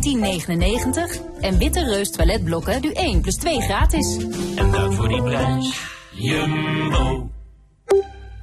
Dit is het moment om je stem voor een beter Nederland te laten horen. Stem 22 november BBB. Iedere dag BB Beter. Nu bij Beter Horen, de Ampli Energy PO. Gekozen product van het jaar 2023. Tijdelijk met extra voordeel. Vrijblijvend uitproberen? Maak dit jaar nog een afspraak. Kijk voor de werkwijze, actievoorwaarden en vergoedingen op beterhoren.nl. Message in a Bottle. Met de iconische hits van Sting en de spectaculaire dans van Kate Prince. In november te zien in Heerlen. Ga voor tickets naar plt.nl. Dit is de zondag van L1.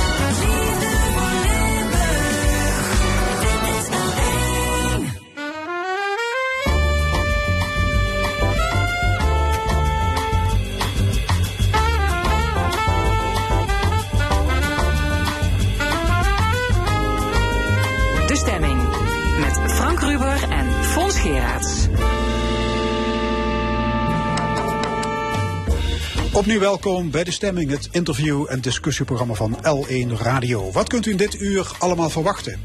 Om half één discussieert het discussiepanel over de laatste ontwikkelingen aan het verkiezingsfront en andere actuele zaken.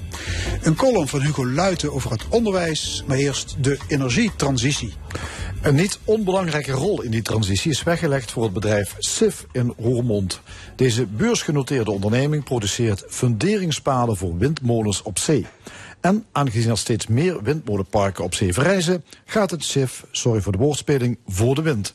Maar er zijn ook beren op de weg. De windturbines worden groter en groter en er is amper personeel te vinden. Aan tafel de CEO van SIF en dat is Fred van Beers. Meneer Van Beers, welkom. Ja, om met de laatste te beginnen, hoeveel arbeidskrachten kunt u gebruiken? Oh, wij kunnen, op dit moment hebben wij eh, ongeveer 200 eh, vacatures eh, uitstaan. Die wij in de komende zes, zeven maanden zouden willen hebben. Ja, en hoeveel mensen staan bij jullie op de loonlijst? Wij zitten ongeveer met 650 mensen op het moment. Dus dat is een forse uitbreiding. Eén Forse één op de drie moet er eigenlijk bij komen. Eén op de drie moet erbij komen om de enorme groei van onze nieuwe fabriek om die te, te kunnen vullen. Ja. En waarom zijn technische vakmensen zo moeilijk te krijgen? Ja, ik denk dat iedereen eh, de laatste misschien wel twintig jaar eh, na het afschaffen van de LTS en MTS eh, heeft gezegd, dit kon wel eens een fout zijn. En ik denk dat we dat te- techniek is minder sexy in dit land. Eh, en daar betalen we toch wel de prijs voor. Nou zitten we hier in Roermond, gelukkig eh, heel dicht tegen België aan, waar de vakscholen nog wel in stand zijn gehouden en ook goede leerlingen leveren. We hebben ook veel medewerkers uit Duitsland. Dus voor ons is Duits de, voertaal in de fabriek in Roermond, Engels op de Maasvlakte. En eh, we hebben heel veel eh, collega's eh, uit het oosten. Ja, ik zag een tijdje terug een pagina grote advertentie de Limburger. Wij hebben werk voor jou. Ja, daar moet de nood hoog zijn gestegen. Ja. Levert dat nog sollicitaties op trouwens? Dat levert weinig sollicitaties op, maar het levert sollicitaties op. Dus we, we moeten wel zeggen, als wij inspanningen verrichten om scholen eh, bijvoorbeeld bij ons op bezoek te laten komen, dan is er veel enthousiasme. Maar dat is wat meer voor de lange termijn natuurlijk. Het gaat nu, eh, vindt nu plaats. Er moeten nu Het mensen is een komen. acuut, acuut probleem. dus we komt, de, komt de productie in gevaar als het zo doorgaat? De, de productie komt niet in gevaar, maar de productie gaat niet zo snel als we eigenlijk zouden kunnen doen. Dus onze, onze opdrachten, die zouden we, daar zouden we meer van kunnen eh, leveren als we wat meer personeel zouden hebben. Aan de andere kant is het zo, wij zijn een nieuwe fabriek aan het bouwen op de Maasvlakte. Een tweede nieuwe fabriek. Daar hebben wij het gros van die mensen nodig, die ik net noem, van die 200. Ehm, en die fabriek gaat pas in juli volgend jaar opstarten. Dus we hebben ook nog tijd om eh, die personeelstekorten aan te vullen. Ja, je hebt nu twee productielocaties, Roermond en op de Tweede Maasvlakte bij Rotterdam. En daar in Rotterdam wordt een gloednieuwe fabriek, die wordt daar gebouwd. Klopt. Kosten 328 miljoen euro. Ja, het is niet niks. Dat is nogal een bedrag. Het is een bedrag, ja. En waar halen jullie dat geld vandaan? Nou, dat hebben we. eh, kijk, dat, is, dat, dat geeft aan dat het een forse fabriek is, laat ik het zo zeggen. Hè. Eh, en dat heeft te maken met die eh, turbines, waar we het later nog over komen te spreken. Die groei van die turbines. Dat geld, waar komt het vandaan? In hoge mate van onze klanten. Dat vonden we heel belangrijk.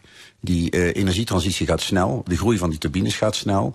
En wij vinden het belangrijk dat onze klanten ook steunen, ons steun geven. En niet alleen met opdrachten, maar ook met een stuk Het is een financiering. soort crowdfunding eigenlijk. Het is een, eh, ja, sommigen noemen het een ASML'tje, maar eh, het, eh, we moeten er ook gewoon iets voor leveren. Hè? Dus, Ja. ja, en maar een lening ook van de overheid? we hebben, Heb het bestaat eigenlijk uit drie delen, grofweg gezegd. Het is een, de klanten, twee grote klanten, Equinor uit Noorwegen en Shell in Nederland. Die financieren mee. De overheid met InvestNL en de banken.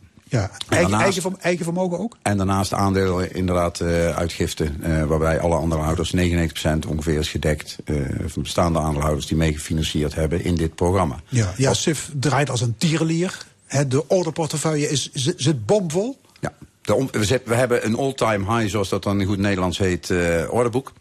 Wat in, in eh, grote mate te maken heeft met die nieuwe fabriek. Hè. Dat wilden we ook. We hebben gezegd, we nemen geen beslissing om die fabriek te bouwen... als we daar niet een substantiële vulling van die fabriek ook kunnen echt in het orderboek hebben zitten.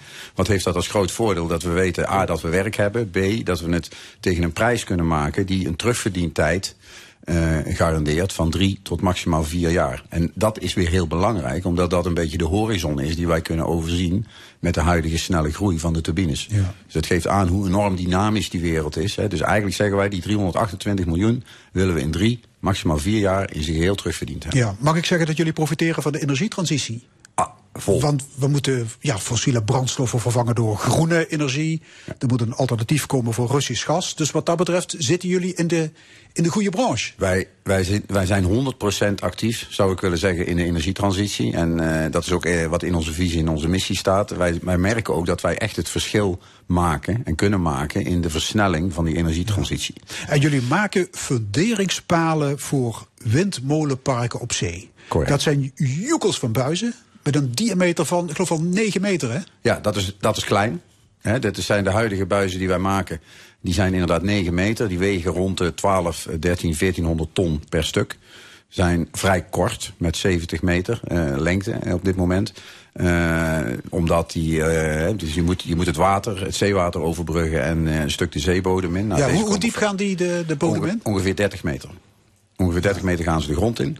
En eh, afhankelijk van de waterdiepte wordt dan de lengte bepaald. Want ze moeten ook nog een beetje boven water uitkomen. Ja. Ja, ja, die windmolens die worden groter en groter. Zelfs zo groot dat u er wanhopig van wordt. Maar wanhopig vind ik een zwaar woord. Maar, is de hebben- grens bijna bereikt? Wij, wij, de grens, ja, wij zeggen eh, eigenlijk... Kijk, de grens is eigenlijk niet bereikt als je in de, in de tijd uitzet. Maar de snelheid waarmee die turbines nu ontwikkeld worden... die maakt dat eigenlijk een testwindmolen gelijk verkocht wordt...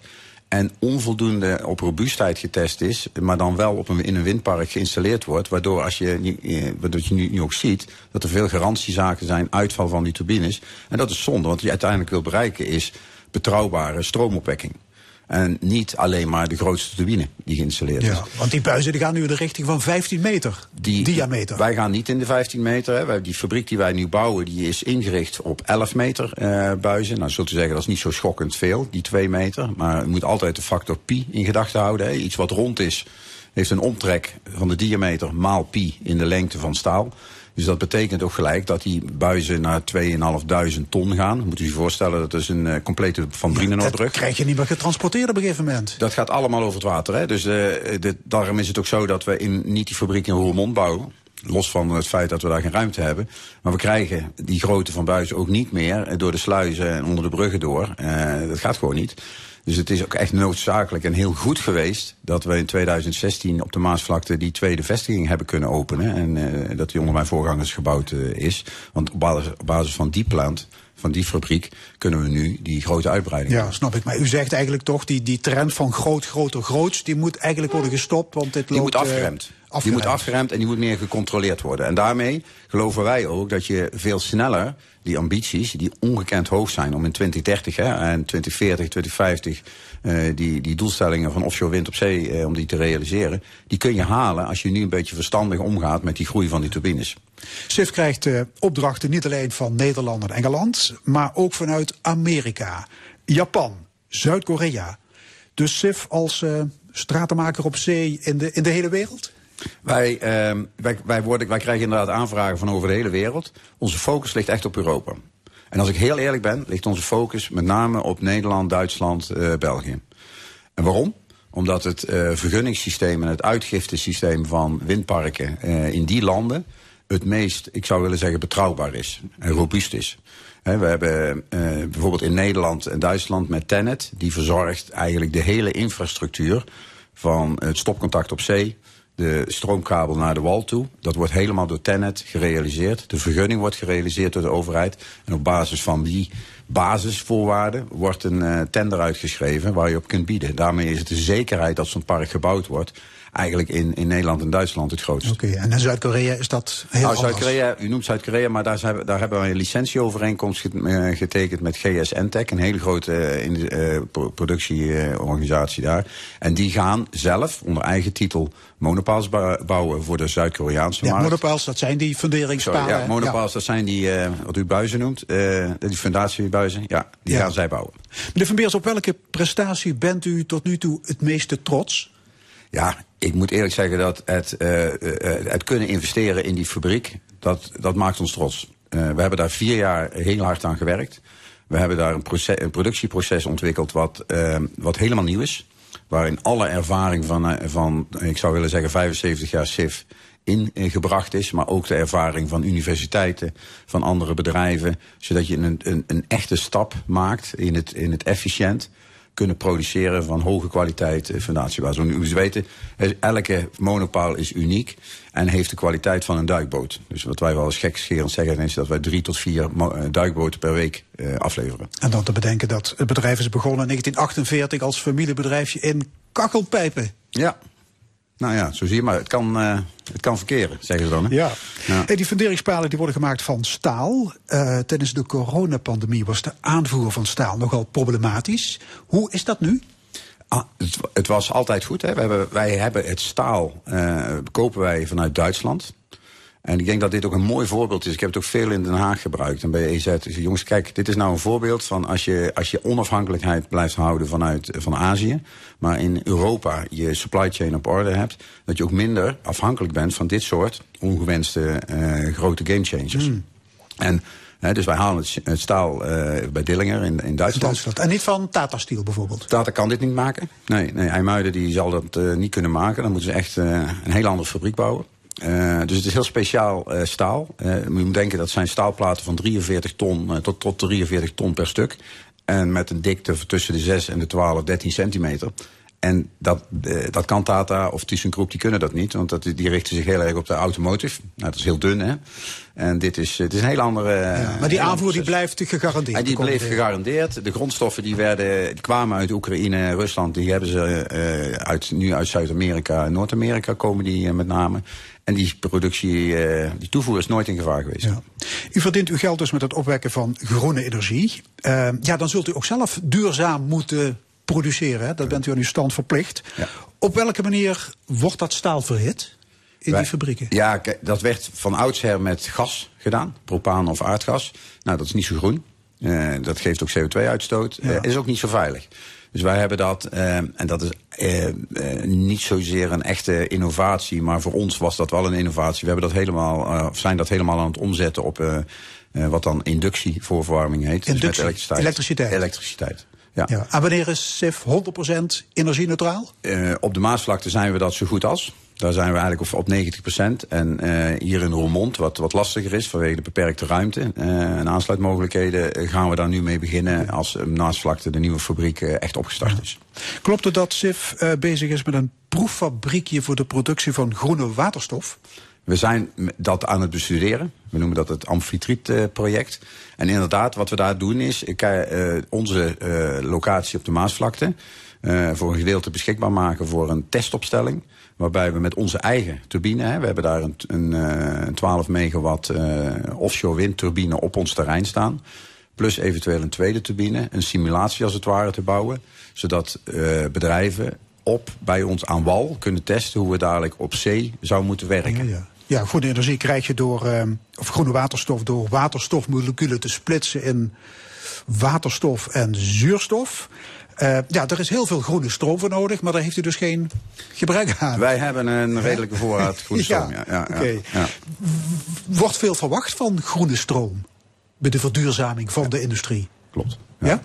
Ja, ik denk dat dat. Kijk, ik denk dat zowel van groene stroom als van waterstof, met name industrie, eh, in de industrie veel, veel te verwachten is. Eh, er is nu al heel veel eh, afzet van waterstof, maar dat is dan grijze, blauwe waterstof. En als je die uiteindelijk groen kunt maken met groene, groene stroom, dan heb je daar denk ik een enorme slag gemaakt in die, in die transitie.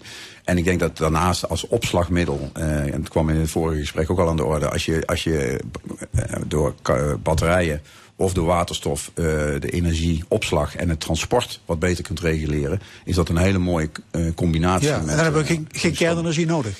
nou, ik zou daar, dat zou ik dus niet uitsluiten, ook niet. Ik was het er mee eens dat, dat, dat je en, en, en moet doen. Oké. En ook nu gewoon starten, en dan duurt het tien jaar, doen. Zorgen voor een goede energiemix. Ja, en dat geldt, hetzelfde geldt voor zonne-energie, datzelfde geldt voor floating wind en, en land, wind op land. We hebben het heel hard nodig, willen we de, de moeder aarde, zal ik maar zeggen, beschermen.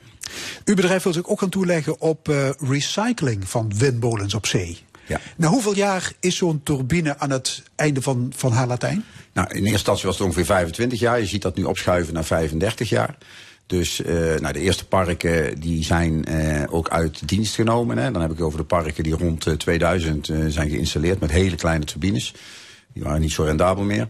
Wij denken dat over vijf tot tien jaar dat echt een eh, vlucht gaat nemen. En wij vinden, u, u sprak ons al op aan, hè, we moeten zelf groen en, en circulair denken. Dat wij ook gezegd hebben, dan moeten wij ook het initiatief nemen om een plan te maken van hoe je op een gegeven moment die hele windparken, en we kijken niet alleen naar onze eh, fundaties, maar het hele windpark, kunt, eh, kunt weghalen van zee. Dus u heeft de techniek in huis om die windmolens te ontmantelen en, die, en die palen weer uit de zeebodem te Nou ja, trekken. plus, plus dat die, eh, die palen zijn dadelijk ook belangrijk als eh, weer grondstof voor de productie van nieuwe staalplaten op een groene manier. Oké, Ja, dus dus ja, want hoe meer circulariteit, hoe beter. Hoe beter. En het is ook nog een verdienmodel voor SIF. En het is juist, dat heet de win-win. in, Win-win. Gaat u woensdag stemmen op een partij die de energietransitie een warm hart toedraagt? Dat lijkt me logisch. Jazeker. Ja, nee, nee, dat is. Kijk, ik, ik, eh, ik heb dat vaak. Ik, ik spreek veel op grote op conferenties en in, eh, in debatgroepen in onze industrie. En ik begin altijd met het statement: jongens, waarom doen we dit? Eh, we doen dit niet omdat we denken hier alleen maar geld mee te verdienen of dat het leuk is. We doen dit om te voorkomen dat de opwarming van de aarde een vorm aanneemt die eh, destructief is. En ik denk dat we dat met z'n allen eh, altijd eh, voor ogen moeten blijven houden. Dat dat de hoofdreden is. Dus ik ben, ik, eh, en dat betekent dat je niet alleen de energietransitie als een modegril moet zien. Maar als iets wat je als een soort van deltaplan ook echt daadwerkelijk consequent uitrolt en doorzet. Dus partijen die op die manier naar de energietransitie kijken, die hebben echt mijn voorkeur. Worden ondernemers in dit land voldoende gewaardeerd? Dat verschilt, moet ik eerlijk zeggen. Ik heb daar een genuanceerd beeld bij. Ik denk eh, eh, bijvoorbeeld aan de hele stikstofproblematiek.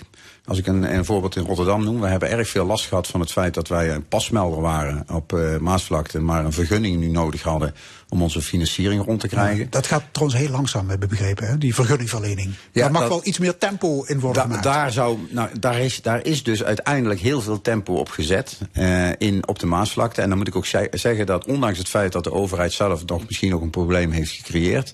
Zowel, en dan is het heel erg belangrijk met wie je praat, zowel provincie als, als Rijk als eh, het havenbedrijf daar heel snel hebben geschakeld. Draai ik hem om, bijvoorbeeld naar een voorbeeld in, eh, in Limburg. Waar we een hoogwaterbeschermingsdiscussie hebben met het eh, waterschap, de gemeente en de provincie. Ja, dat proces loopt enorm lang en langzaam. En dat is een ongelooflijk ingewikkeld iets waarbij, waarbij ik vind dat er onvoldoende gerealiseerd wordt wat het belang is van de industrie in, in, de, in de maatschappij. En, en ook het beschermen van die industrie. De zware industrie zit momenteel wel in de hoek waar de klappen vallen. Hè? Gemmelot, Tata Steel, Chemours. Die hebben vandaag de dag niet, eh, niet de gunfactor. Eh, nee, die hebben niet de gulf. Nou, zit, goed, wij zijn dan natuurlijk, wij, bouwen eh, fundaties voor die transitie. In die zin zitten we wel aan de goede kant van de streep.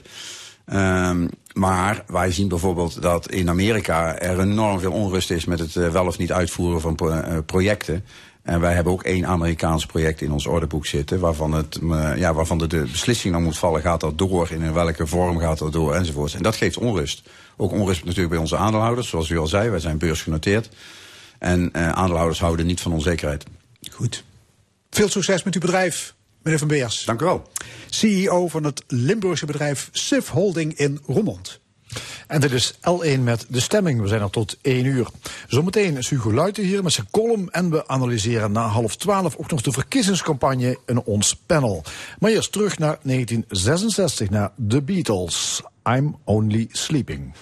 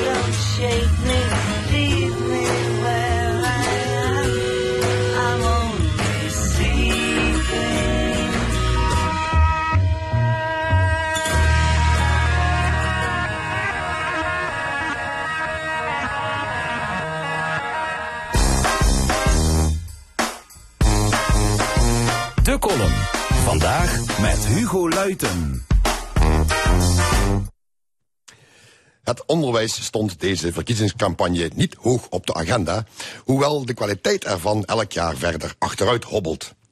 Waar gaan die onderwijsmiljarden dan heen, als het grut steeds slechter kan lezen en rekenen? Voor een deel wordt dit geld besteed aan de schrik van elke ouder, de studiedag. Hoe goed je het ook noteert, het komt altijd op een moment dat je het het minst kunt gebruiken en je het kroost op een werkdag dus zelf maar moet zien bezig te houden. Op de ouders van nu sites lees je dan ook steeds weer de vraag of het dan wel nut heeft, al dat gestudeer. Vaak klinken er zalvende woorden in de reacties. Dan doen de leraren echt iets belangrijks wat het kind vroeg of laat ten goede komt. De schoolleiders zijn natuurlijk sowieso voor en zelfs de onderwijsbonden houden bij hoog en laag vol dat de lesuitval nuttig en zinvol is. Wel nu, laat u dit van een oud-leraar met 30 jaar ervaring gezegd zijn: bullshit. Als ze dat ooit zouden vragen, wat ze wijselijk maar achterwege laten, dan kom je niet aan 5% van de leraren die een studiedag nuttig vindt. Laat staan leerzaam. Uit angst dat er anders geen hond zit, is het in de cao's zelfs verplicht gesteld om meteen een komende geneuzel aan te horen. Want dat is het, geneuzel. Geleuter met hoofdletter G, humbug, kwatsch op zijn Limburgs. Het is de geestel van het onderwijs, een inktzwarte bladzijde in het lerarenbestaan. Zo'n dag wordt vrijwel altijd ingevuld door een extern bureau dat met flauwe didactiek, de memo-blaadjes zijn berucht, en half wetenschappelijke inzichten de docenten komt vervelen. Niemand die er ook maar iets van opsteekt, laat staan dat de met taai zitvlees verworven kennis de dag erna in de lessen kan worden toegepast. In plaats daarvan ergeren de docenten zich met elk voorbij kruipend kwartier dood bij de gedachte aan de stapels werk die nog liggen te wachten. Het moet de minst efficiënte methode van professionalisering zijn, die tegelijkertijd het duurste is, want het is een miljoenenindustrie. De als weerbarstig omkruid omhoogschietende coachingsbureautjes worden meestal bemand door geseesde leraren, allemaal tuk op de van Riant gedeelde overheidstaart. En de docenten ondertussen maar zweten in de benauwde lerarenkamer. Dan komt daar zo'n ubervrolijke kerel of een NLP-dame die spreekt als medig moeder overste binnen, die het ook nog presteren om te zeggen: Leuk dat jullie er allemaal zijn. Als ik van elke leraar een euro kreeg die dan denkt: Hou je bek trut, ik zit hier omdat de baas dat wil, dan was ik miljonair. De column was dat van Hugo Luiten. Laatste ingrediënt van de stemming is het discussiepanel. Vandaag over de laatste ontwikkelingen in de verkiezingscampagne. En over de miljardenboetes, die miljoenen boetes moet ik zeggen, die worden geëist in het proces tegen bedrijven op Gemmelot. Ik stel de panelleden aan u voor. Jan de Wet, oud-Kamerlid voor de SP. Karel Leunissen, ex-voorzitter van het CDA Limburg. En Mark Thiessen, voormalig campagnestratege van de VVD. Ja, laten we gewoon met die eh, verkiezingen beginnen, stel ik voor. Eh, de campagne ja, is nu denk ik toch wel op zijn hoogtepunt. Hè. Het kan niet anders. Eh, opvallend is misschien wel de opmars van de PVV, van Geert Wilders. Ehm, hij zegt zelf, er sprake van een gamechanger. Dat is op basis van de prognoses van Moes de Hond. Ja. Dat is natuurlijk de afvra- kun je afvragen hoe betrouwbaar ze zijn. Maar hoe kijken jullie dan? Er is wel sprake natuurlijk van een, ja, dat Wilders opkomt. Nou, ik, denk dat hij het eh, handig heeft gedaan. Ehm, hij heeft eh, vanaf het begin van de campagne eh, de scherpe kantjes ervan afgehaald. Ehm, over het asielbeleid, over migratie, over de moslims, over de islam. En ehm, ik denk dat dat een heleboel mensen die de redenering aanhingen tot voor kort van, nou ja, die Wilders is toch eigenlijk ben, ben ik er niet helemaal mee eens. Het is toch wel heel harde standpunten en zo. Maar door die, door die versoepeling, de andere jas zeg maar, die hij aan heeft getrokken... eh, dat die toch voor meer mensen aanvaardbaar is geworden. Vandaar denk ik opeens die, eh, die winst eh, in de peiling die hij maakt. Maar goed, dat is de peiling van Maurice de Hond. Uiteraard, ja. En er was een andere peiling gisteren waar ze rond de 20 eh, stonden. Ja. Dus dat moet je toch altijd met een korrel zout nemen, de peiling. Maar ik denk wel dat er. het kan heel goed zijn dat hij profiteert van zijn eigen eh, opstelling op dit moment. Ja, slimme, slimme, slimme zet. Eh, goede debater, Mark Thiessen. Ehm, bij gebrek en beter misschien, denk ik. Want ik vond het debatten tot nu toe van eigenlijk vrij weinig politici van eh, hoge kwaliteit. Ik denk dat het wel opvallend is dat hoe makkelijk hij erin slaagt om eh, eigenlijk 15 jaar verleden van zich af te schudden hè, van Geert Wilders. Want het lijkt wel alsof veel, mensen, heel veel mensen ineens heel veel dingen vergeten zijn van hem. Eh, dat hij nu als een soort van eh, redelijke en milde versie van zichzelf wordt gezien. Ja, hoe, want dat is blijkbaar. Dat is dan- vreemd. is dat dan geloofwaardig als iemand eh, opeens zich zo presenteert? Ja, voor mij is dat niet geloofwaardig. Ik, ik vind ook eerlijk gezegd dat hij niet heel veel afstand neemt van wat hij in het verleden gedaan heeft. Hij zegt vooral, nou, ik ben best bereid om wat in te leveren op standpunten. Nou, dat lijkt me vrij logisch Op als je überhaupt een, coalitie in wil. Op dit moment. Op dit moment. Eh, dus ik vind eh, dat we het met een korreltje zout moeten nemen. En ik hoop ook dat mensen, eh, heel veel mensen die nu hem blijkbaar als redelijk zien...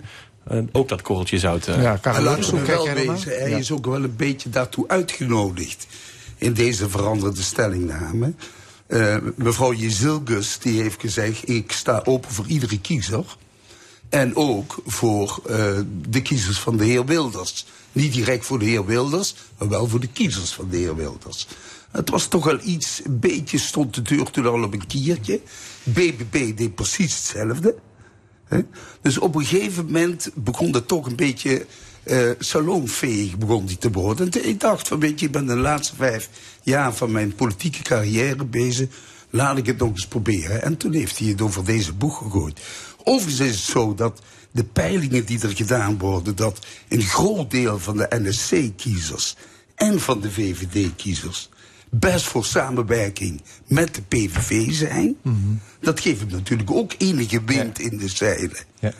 En als je mensen hebt die vroeger dachten van laat ik op- niet op die Wilders stemmen. Dat is zo'n rare vent, die komt nooit aan, aan de bak in het, in het kabinet. Die denken nu, die krijgen hoop. Die denken misschien komt hij toch wel in een kabinet. En brengt hij echt verandering in het Nederlandse politiek bestel. Ja. weet het is wel te betwijfelen natuurlijk, hè, tot hoe lang hij dit volhoudt. Ja. Omdat in zijn programma staat natuurlijk iets heel anders. En bovendien hij is ook eens een keer weggelopen al, hè? Dus staat hoe- er- hoe nou ja, betrouwbaar de is ervaring het- van het CDA en de VVD met de PVV toen... Die eh, spelen, als je Rutte hoort nog steeds, eh, hoor je het CDA, eh, Buma bijvoorbeeld, die is daar traumatische eh, ervaringen mee opgedaan, als ik het goed begrijp. Dus in, in dat opzicht is het maar de vraag hoe lang die dit volhoudt.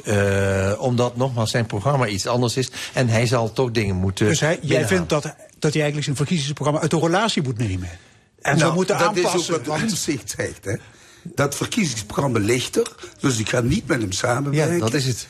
Want hij voldoet, en het is niet rechtsstatelijk. dus dat kan niet. Ik, ik vind zelf wel dat, dat eh, de, discussie, de discussie zich te veel beperkt tot zijn verkiezingsprogramma. En hij neemt daar heel makkelijk zelf afstand van. En eigenlijk bij alles wat ze zeggen zegt hij... oké, nou prima, valt over te praten.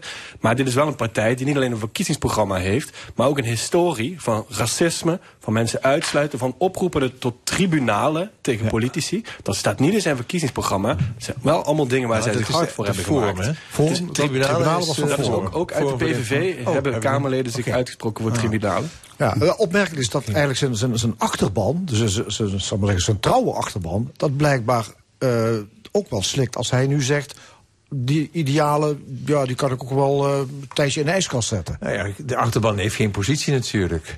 De- Ik bedoel, hij is, hij is de enige partij. Eh, het enige partijlid en de enige baas. Dus de achterban, eh, daar heeft hij in feite weinig boodschap aan.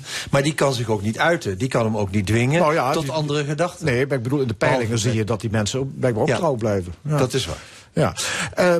Krijgen we trouwens een rechtskabinet? Is dat al, eh, is het, het lijkt al bijna duidelijk, hè? Nou ja, als de, als de peilingen eh, concreet worden... Hè, met 26, 26 zetels en 24 zetels voor de NSC... en de BBB nog eh 10... ja, dan gaat het wel die richting uit, zou ik bijna zeggen. Ja. Alhoewel, ik denk dat de NSC niet graag met, met PVV in, in Nee. zee gaat... omdat natuurlijk, ja, voor Omtzigt is dit natuurlijk de eerste poging om zijn nieuwe eh, ambities tot uiting te brengen. En als je dat doet met dit risico Wilders in het kabinet... dan lijkt me dat eh, niet zo'n erg verstandige actie, eerlijk gezegd. Maar- maar los- Gegeven de ervaringen vanuit het CDA. Ja, maar los daarvan, eh, GroenLinks, PvdA, is dat, nog- is dat nog een... Ik denk dat, dat wat, je- wat er de komende dagen nog gaat gebeuren, dat dat eigenlijk totaal onvoorspelbaar is. En dat heeft te maken met de dynamiek die peilingen creëren in deze fase van verkiezingen. Dat is eigenlijk heel raar.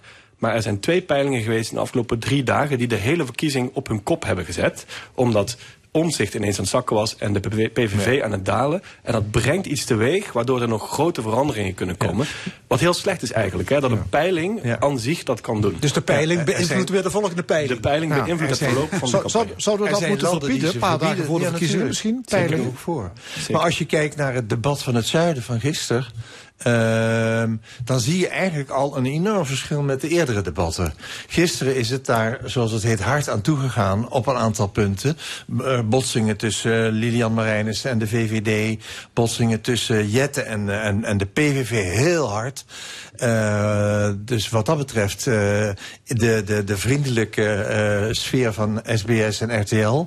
die is toch Maar zo gaat dat eh, toch altijd, Jan? De laatste dagen voor de verkiezingen, daar gaan de, de bokshandschoenen ja, uit. maar dus het idee was van we moeten samen, eh, we moeten samen een beetje vriendelijk eh, blijven. Zo is, in ieder geval de, zo is het begonnen. Maar op dit moment, en dat is onder invloed van, eh, van, de, van de peilingen, dat, dat in ieder geval de verhoudingen heel erg op scherp staan. Maar toch, dus- wil ik, ja, toch wil ik nog opmerken dat een allerbelangrijke parameter is toch het feit dat de andere belangrijke partij in feite die wat meer evenwicht zou moeten brengen, GroenLinks, PvdA, die staat van mede aan al als een rechte lijn, verandert helemaal niks.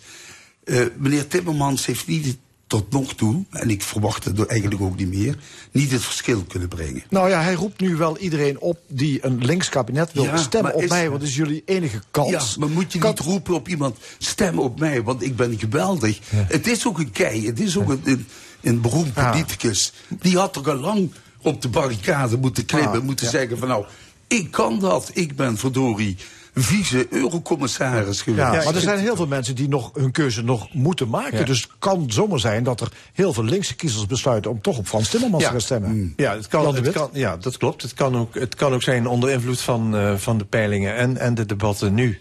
Eh, dat, de, dat er toch weer meer eh, principieel eh, gestemd gaat worden. En dat je dan toch ook het idee krijgt. Want als je, als je goed kijkt, de verhouding rechts-links is ongeveer 90-60 eh, op dit moment. En je, je zou via links een, een soort rariteitenkabinet krijgen. Van, van, van ongelooflijk veel Ja. partijen. Dus wat dat betreft is dat, is dat onvoorspelbaar op dit moment.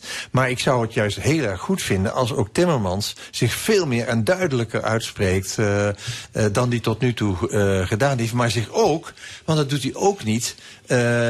Aangeeft met wie hij nou eh, zou willen. Want de, de, de indruk bestaat natuurlijk vriendelijk voor eh omzicht, hè, tot, tot, tot op het beetje belachelijke af. En eh, de VVD, die sluit hij dan uit. Maar met wie hij dan wel wil, bijvoorbeeld de SP noemt hij helemaal nooit. Terwijl wij toch op dit moment in de peilingen het ook iets beter doen. Ja, maar Mark Ties, jij bent campagnestratege geweest voor de VVD. Mm, stel ik voor, ik vraag jou nou iets onmogelijks. GroenLinks, PvdA zou jou bellen en zeggen van hoe moeten we dit gaan aanpakken? Wat, wat, zou, je, wat zou jouw advies zijn? Nou, ik, ik, heb van, ik was best wel. eh, ik had veel vertrouwen in hoe zij het zouden gaan doen met Frans Timmermans en die fusie. Als je mij twee maanden geleden had gevraagd wat is hun route naar de overwinning, en dat is mij gevraagd, dan had ik gezegd: er is maar één route en dat is heel links verenigen tegen de VVD en afrekenen met Rutte. Dat heeft hij nooit gedaan. Hij begint dat nu te doen. Maar hij, hij heeft nooit zijn echte eindsprint in kunnen zetten. Zijn redding kan zijn dat nu Wilders en de VVD het veel te goed doen in de ogen van zijn kiezers. En dat hij een soort van het punt wordt waar alle linkse verzet tegen rechts samenkomt. Dus dat is eigenlijk zijn eigen, eigen, enige manier om, om, om nog Maar zoveel is te er worden. niet te halen hè, bij die andere linkse partijen. Je hoeft ook niet zoveel te halen. Aan Je kan de grootste worden met SP. 28 zetels. Ja.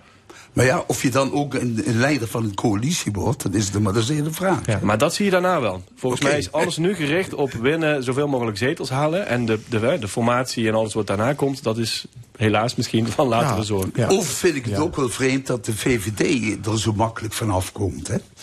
Eh, die, er wordt helemaal niet gevraagd. Je Silkes doet het ook wel goed door heel bloemrijke lezingen houdt ze en verhaaltjes en charmant. En zegt niet zoveel, maar misschien is dat ook niet zo belangrijk.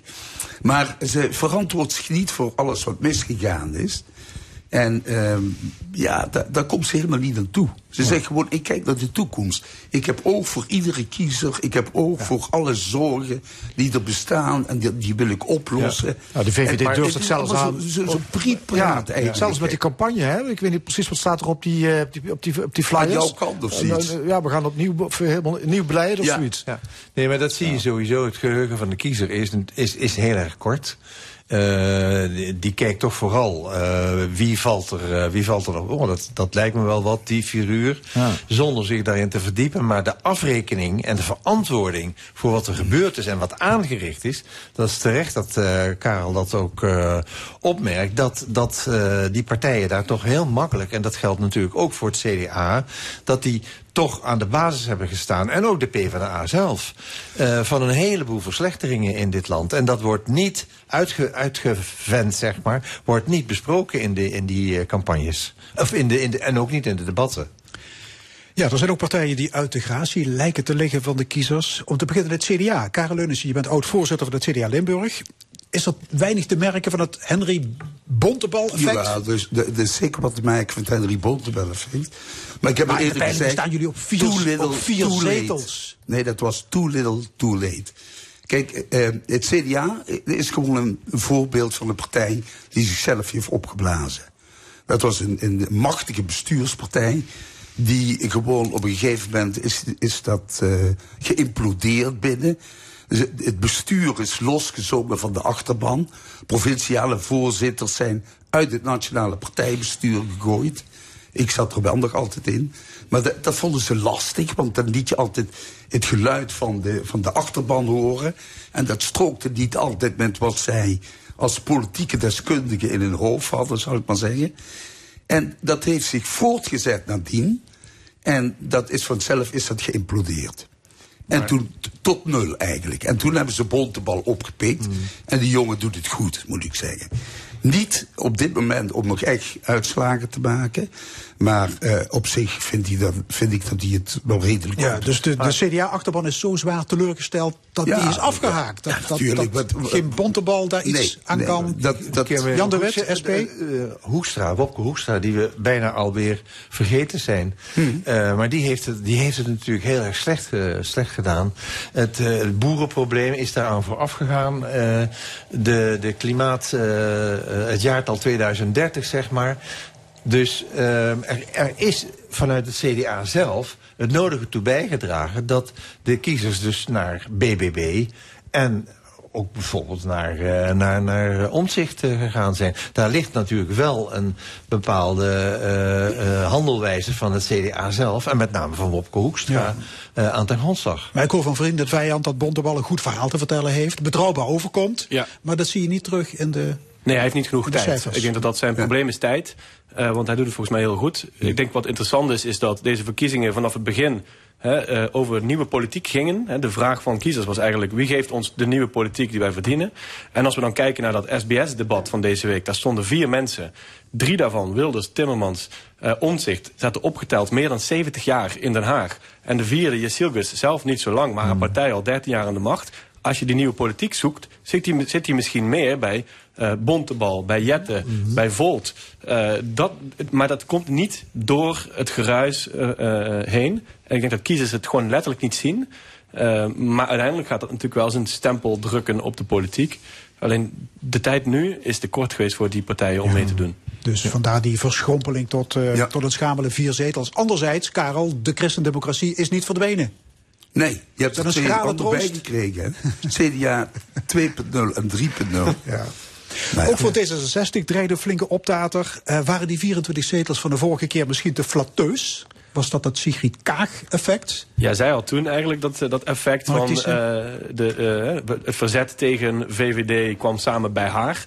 Ja, dat was altijd wel te voorspellen dat daar iets van zou eh, kwijtraken. Tegelijkertijd, ik ben er niet van overtuigd dat zij niet nog gaan stijgen de komende dagen. Wat vind je van de campagne die Rob Jetten Nou, aan ik vind Rob eh, wat er bij Timmermans aan ontbrak, vond ik echt die uitgesprokenheid, het vuur en de passie tegen 13 jaar VVD.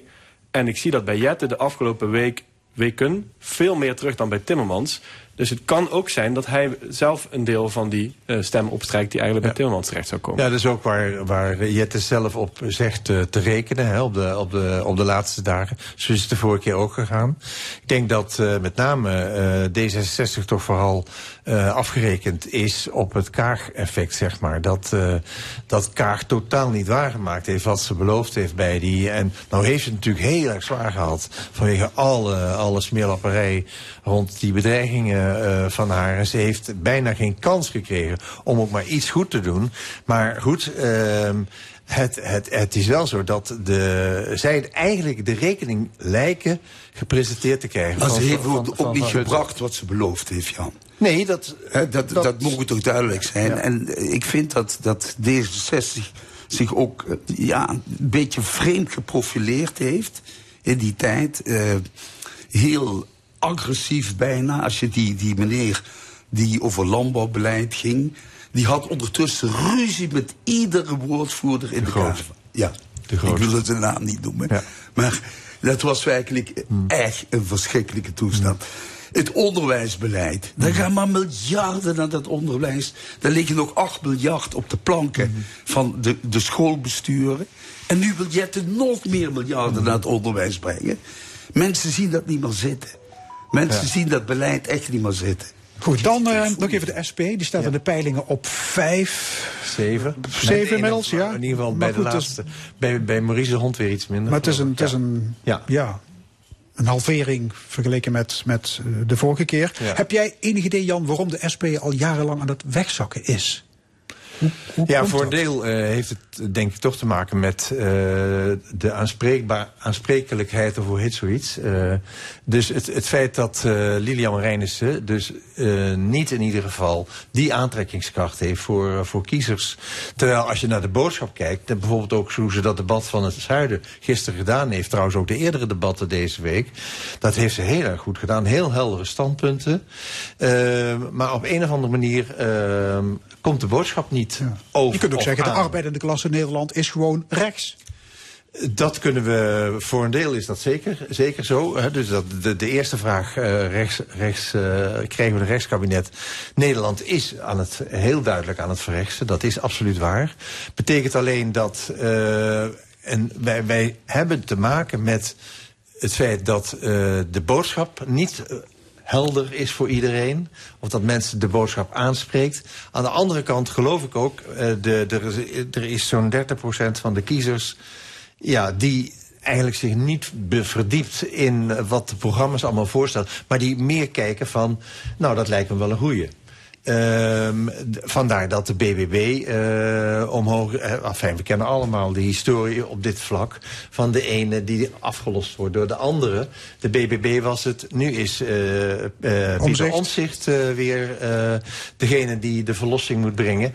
Dus daar hebben wij ook daar hebben wij last van. eh, Mark zeker. campagnestratege, wat vind je van dit ja, verhaal? Ik vind het, bij de SP de laatste tien jaar of zo, denk ik, en, twee dingen belangrijk hierbij. Eén is dat ik het een zeer negatieve ingestelde partij vind. En mensen voelen zich daar gewoon niet toe aangetrokken. Dus je kunt constant zeggen hoe stom dingen zijn.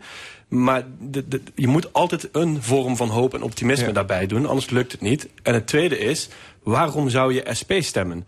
Als je weet dat ze niet eens gaan praten... eh, na de verkiezingen om in een coalitie te komen. Consequent hetzelfde. Ja.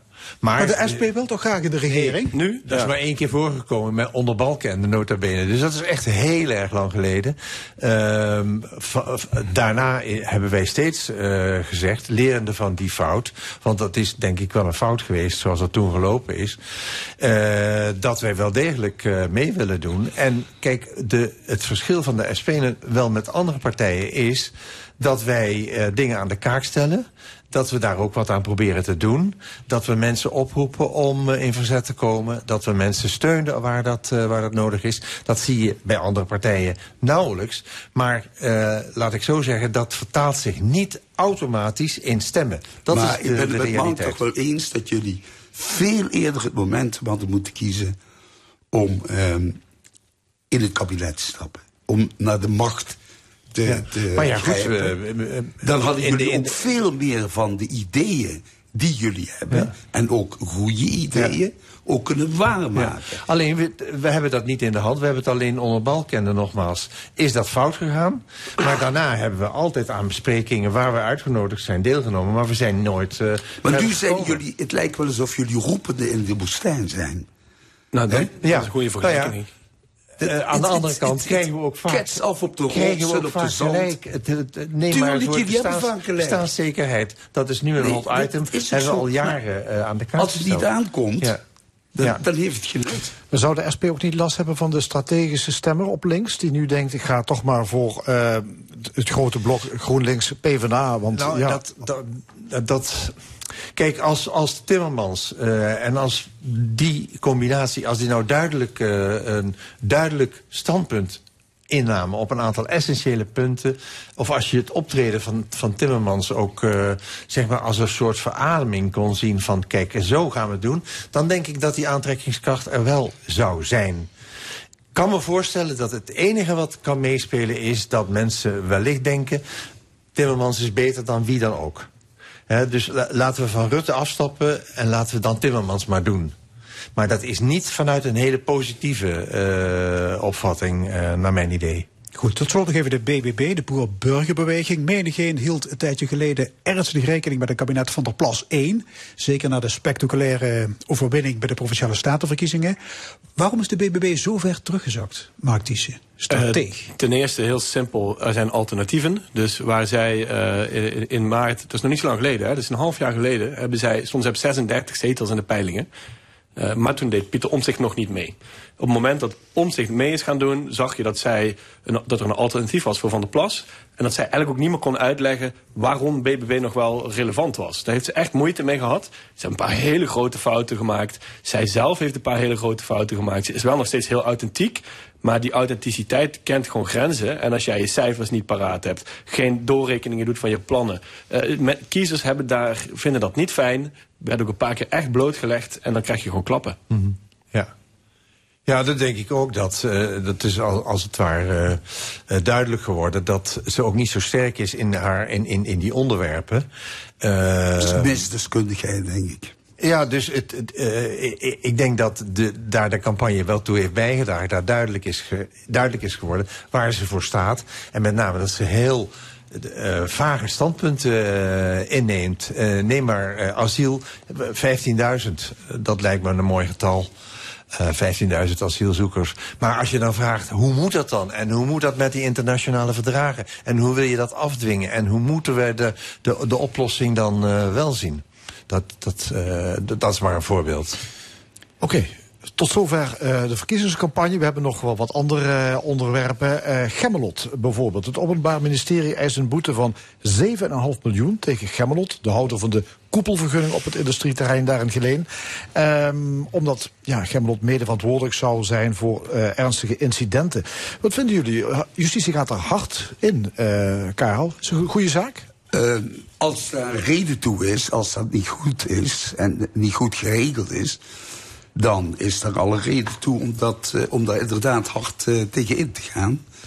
Zo'n koepelvergunninghouder, die is meer verantwoordelijk voor het ja, totaal, hè, een beetje oppervlakkig, op een hoog aggregatieniveau. En, um, nou ja, dat vindt het Openbaar Ministerie vindt dat ze wel degelijk ook echt verantwoordelijk zijn. Verantwoordelijk voor de organisatie. Ja. Die moeten zorgen dat ieder deelnemend bedrijf een veiligheids- en uh, kwaliteitsplannen heeft. Dat er uh, controles moeten, veiligheidscontroles moeten gebeuren. Dat er adequaat onderhoud moet geschieden. Dat er over gerapporteerd Ja. moet worden. Incidentmeldingen enzovoorts enzovoorts. Ja, maar ja, s- 7,5 miljoen nu. Maar eh, wat bleek, eh Gemmelot-directeur, Loek Radix is dat, die verscheen vrijdag niet bij de zitting. Wat moet je daarvan denken? Nou, ik- volgens mij zegt hij, ik voel mij gewoon niet juridisch verantwoordelijk hiervoor. Ja. En ik vind, kijk, daar, daar, daar kan je een verhaal eh, van maken. Ja, maar er zijn Eh, heel veel mensen. Maar daar begint het toch al mee dat er gesteggel is over de vraag wie nou verantwoordelijk is voor, voor het toezicht. Volgens mij klopt het niet. Volgens mij klopt het echt niet wat die Radix eh, zegt. Het spijt me heel erg, maar hij is dan baas eh, van die Gem Gemlot-site. maar als je kijkt naar het onderzoeksrapport van de Onderzoeksraad voor Veiligheid... als je kijkt naar hun eigen veiligheidsvisie...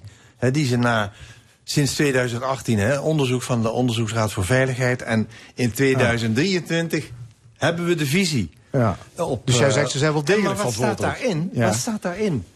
Koepelvergunning betekent dus dat ze dus moeten zorgen voor de naleving van de wetten en de regels door al die 150 eh, bedrijven of, die, daar, die daar staan. Twee, ze moeten inspecties kunnen ze uitvoeren. Drie, ze kunnen ingrijpen. Staat heel expliciet in de koepelvergunning. Ja, maar en de- de- wat de- heeft de Onderzoeksraad voor Veiligheid gezegd? Wat wij nu moeten doen, een van de dingen die verbeterd moeten worden, is dat Gemmelot eh, veel harder of veel beter of veel meer ingrijpt. Ja. Dus met andere woorden, Radix, wat hij zegt, klopt dus gewoon. Is, is dat een soort minachting voor de rechtbank als je niet kon opdagen? Want ja, er zijn wel meer mensen die vinden dat, ze eigenlijk Nou, niet dat die- verantwoordelijk dat zijn. de advocaat heeft gezegd, je bent juridisch niet verantwoordelijk. Blijf maar lekker thuis, eh, dat komt goed. Maar het punt is natuurlijk dat die bedrijven natuurlijk een veel diepere verantwoordelijkheid hebben. Die, moeten, die zijn verantwoordelijk voor de echte technische veiligheid van alles wat in zo'n bedrijf plaatsvindt.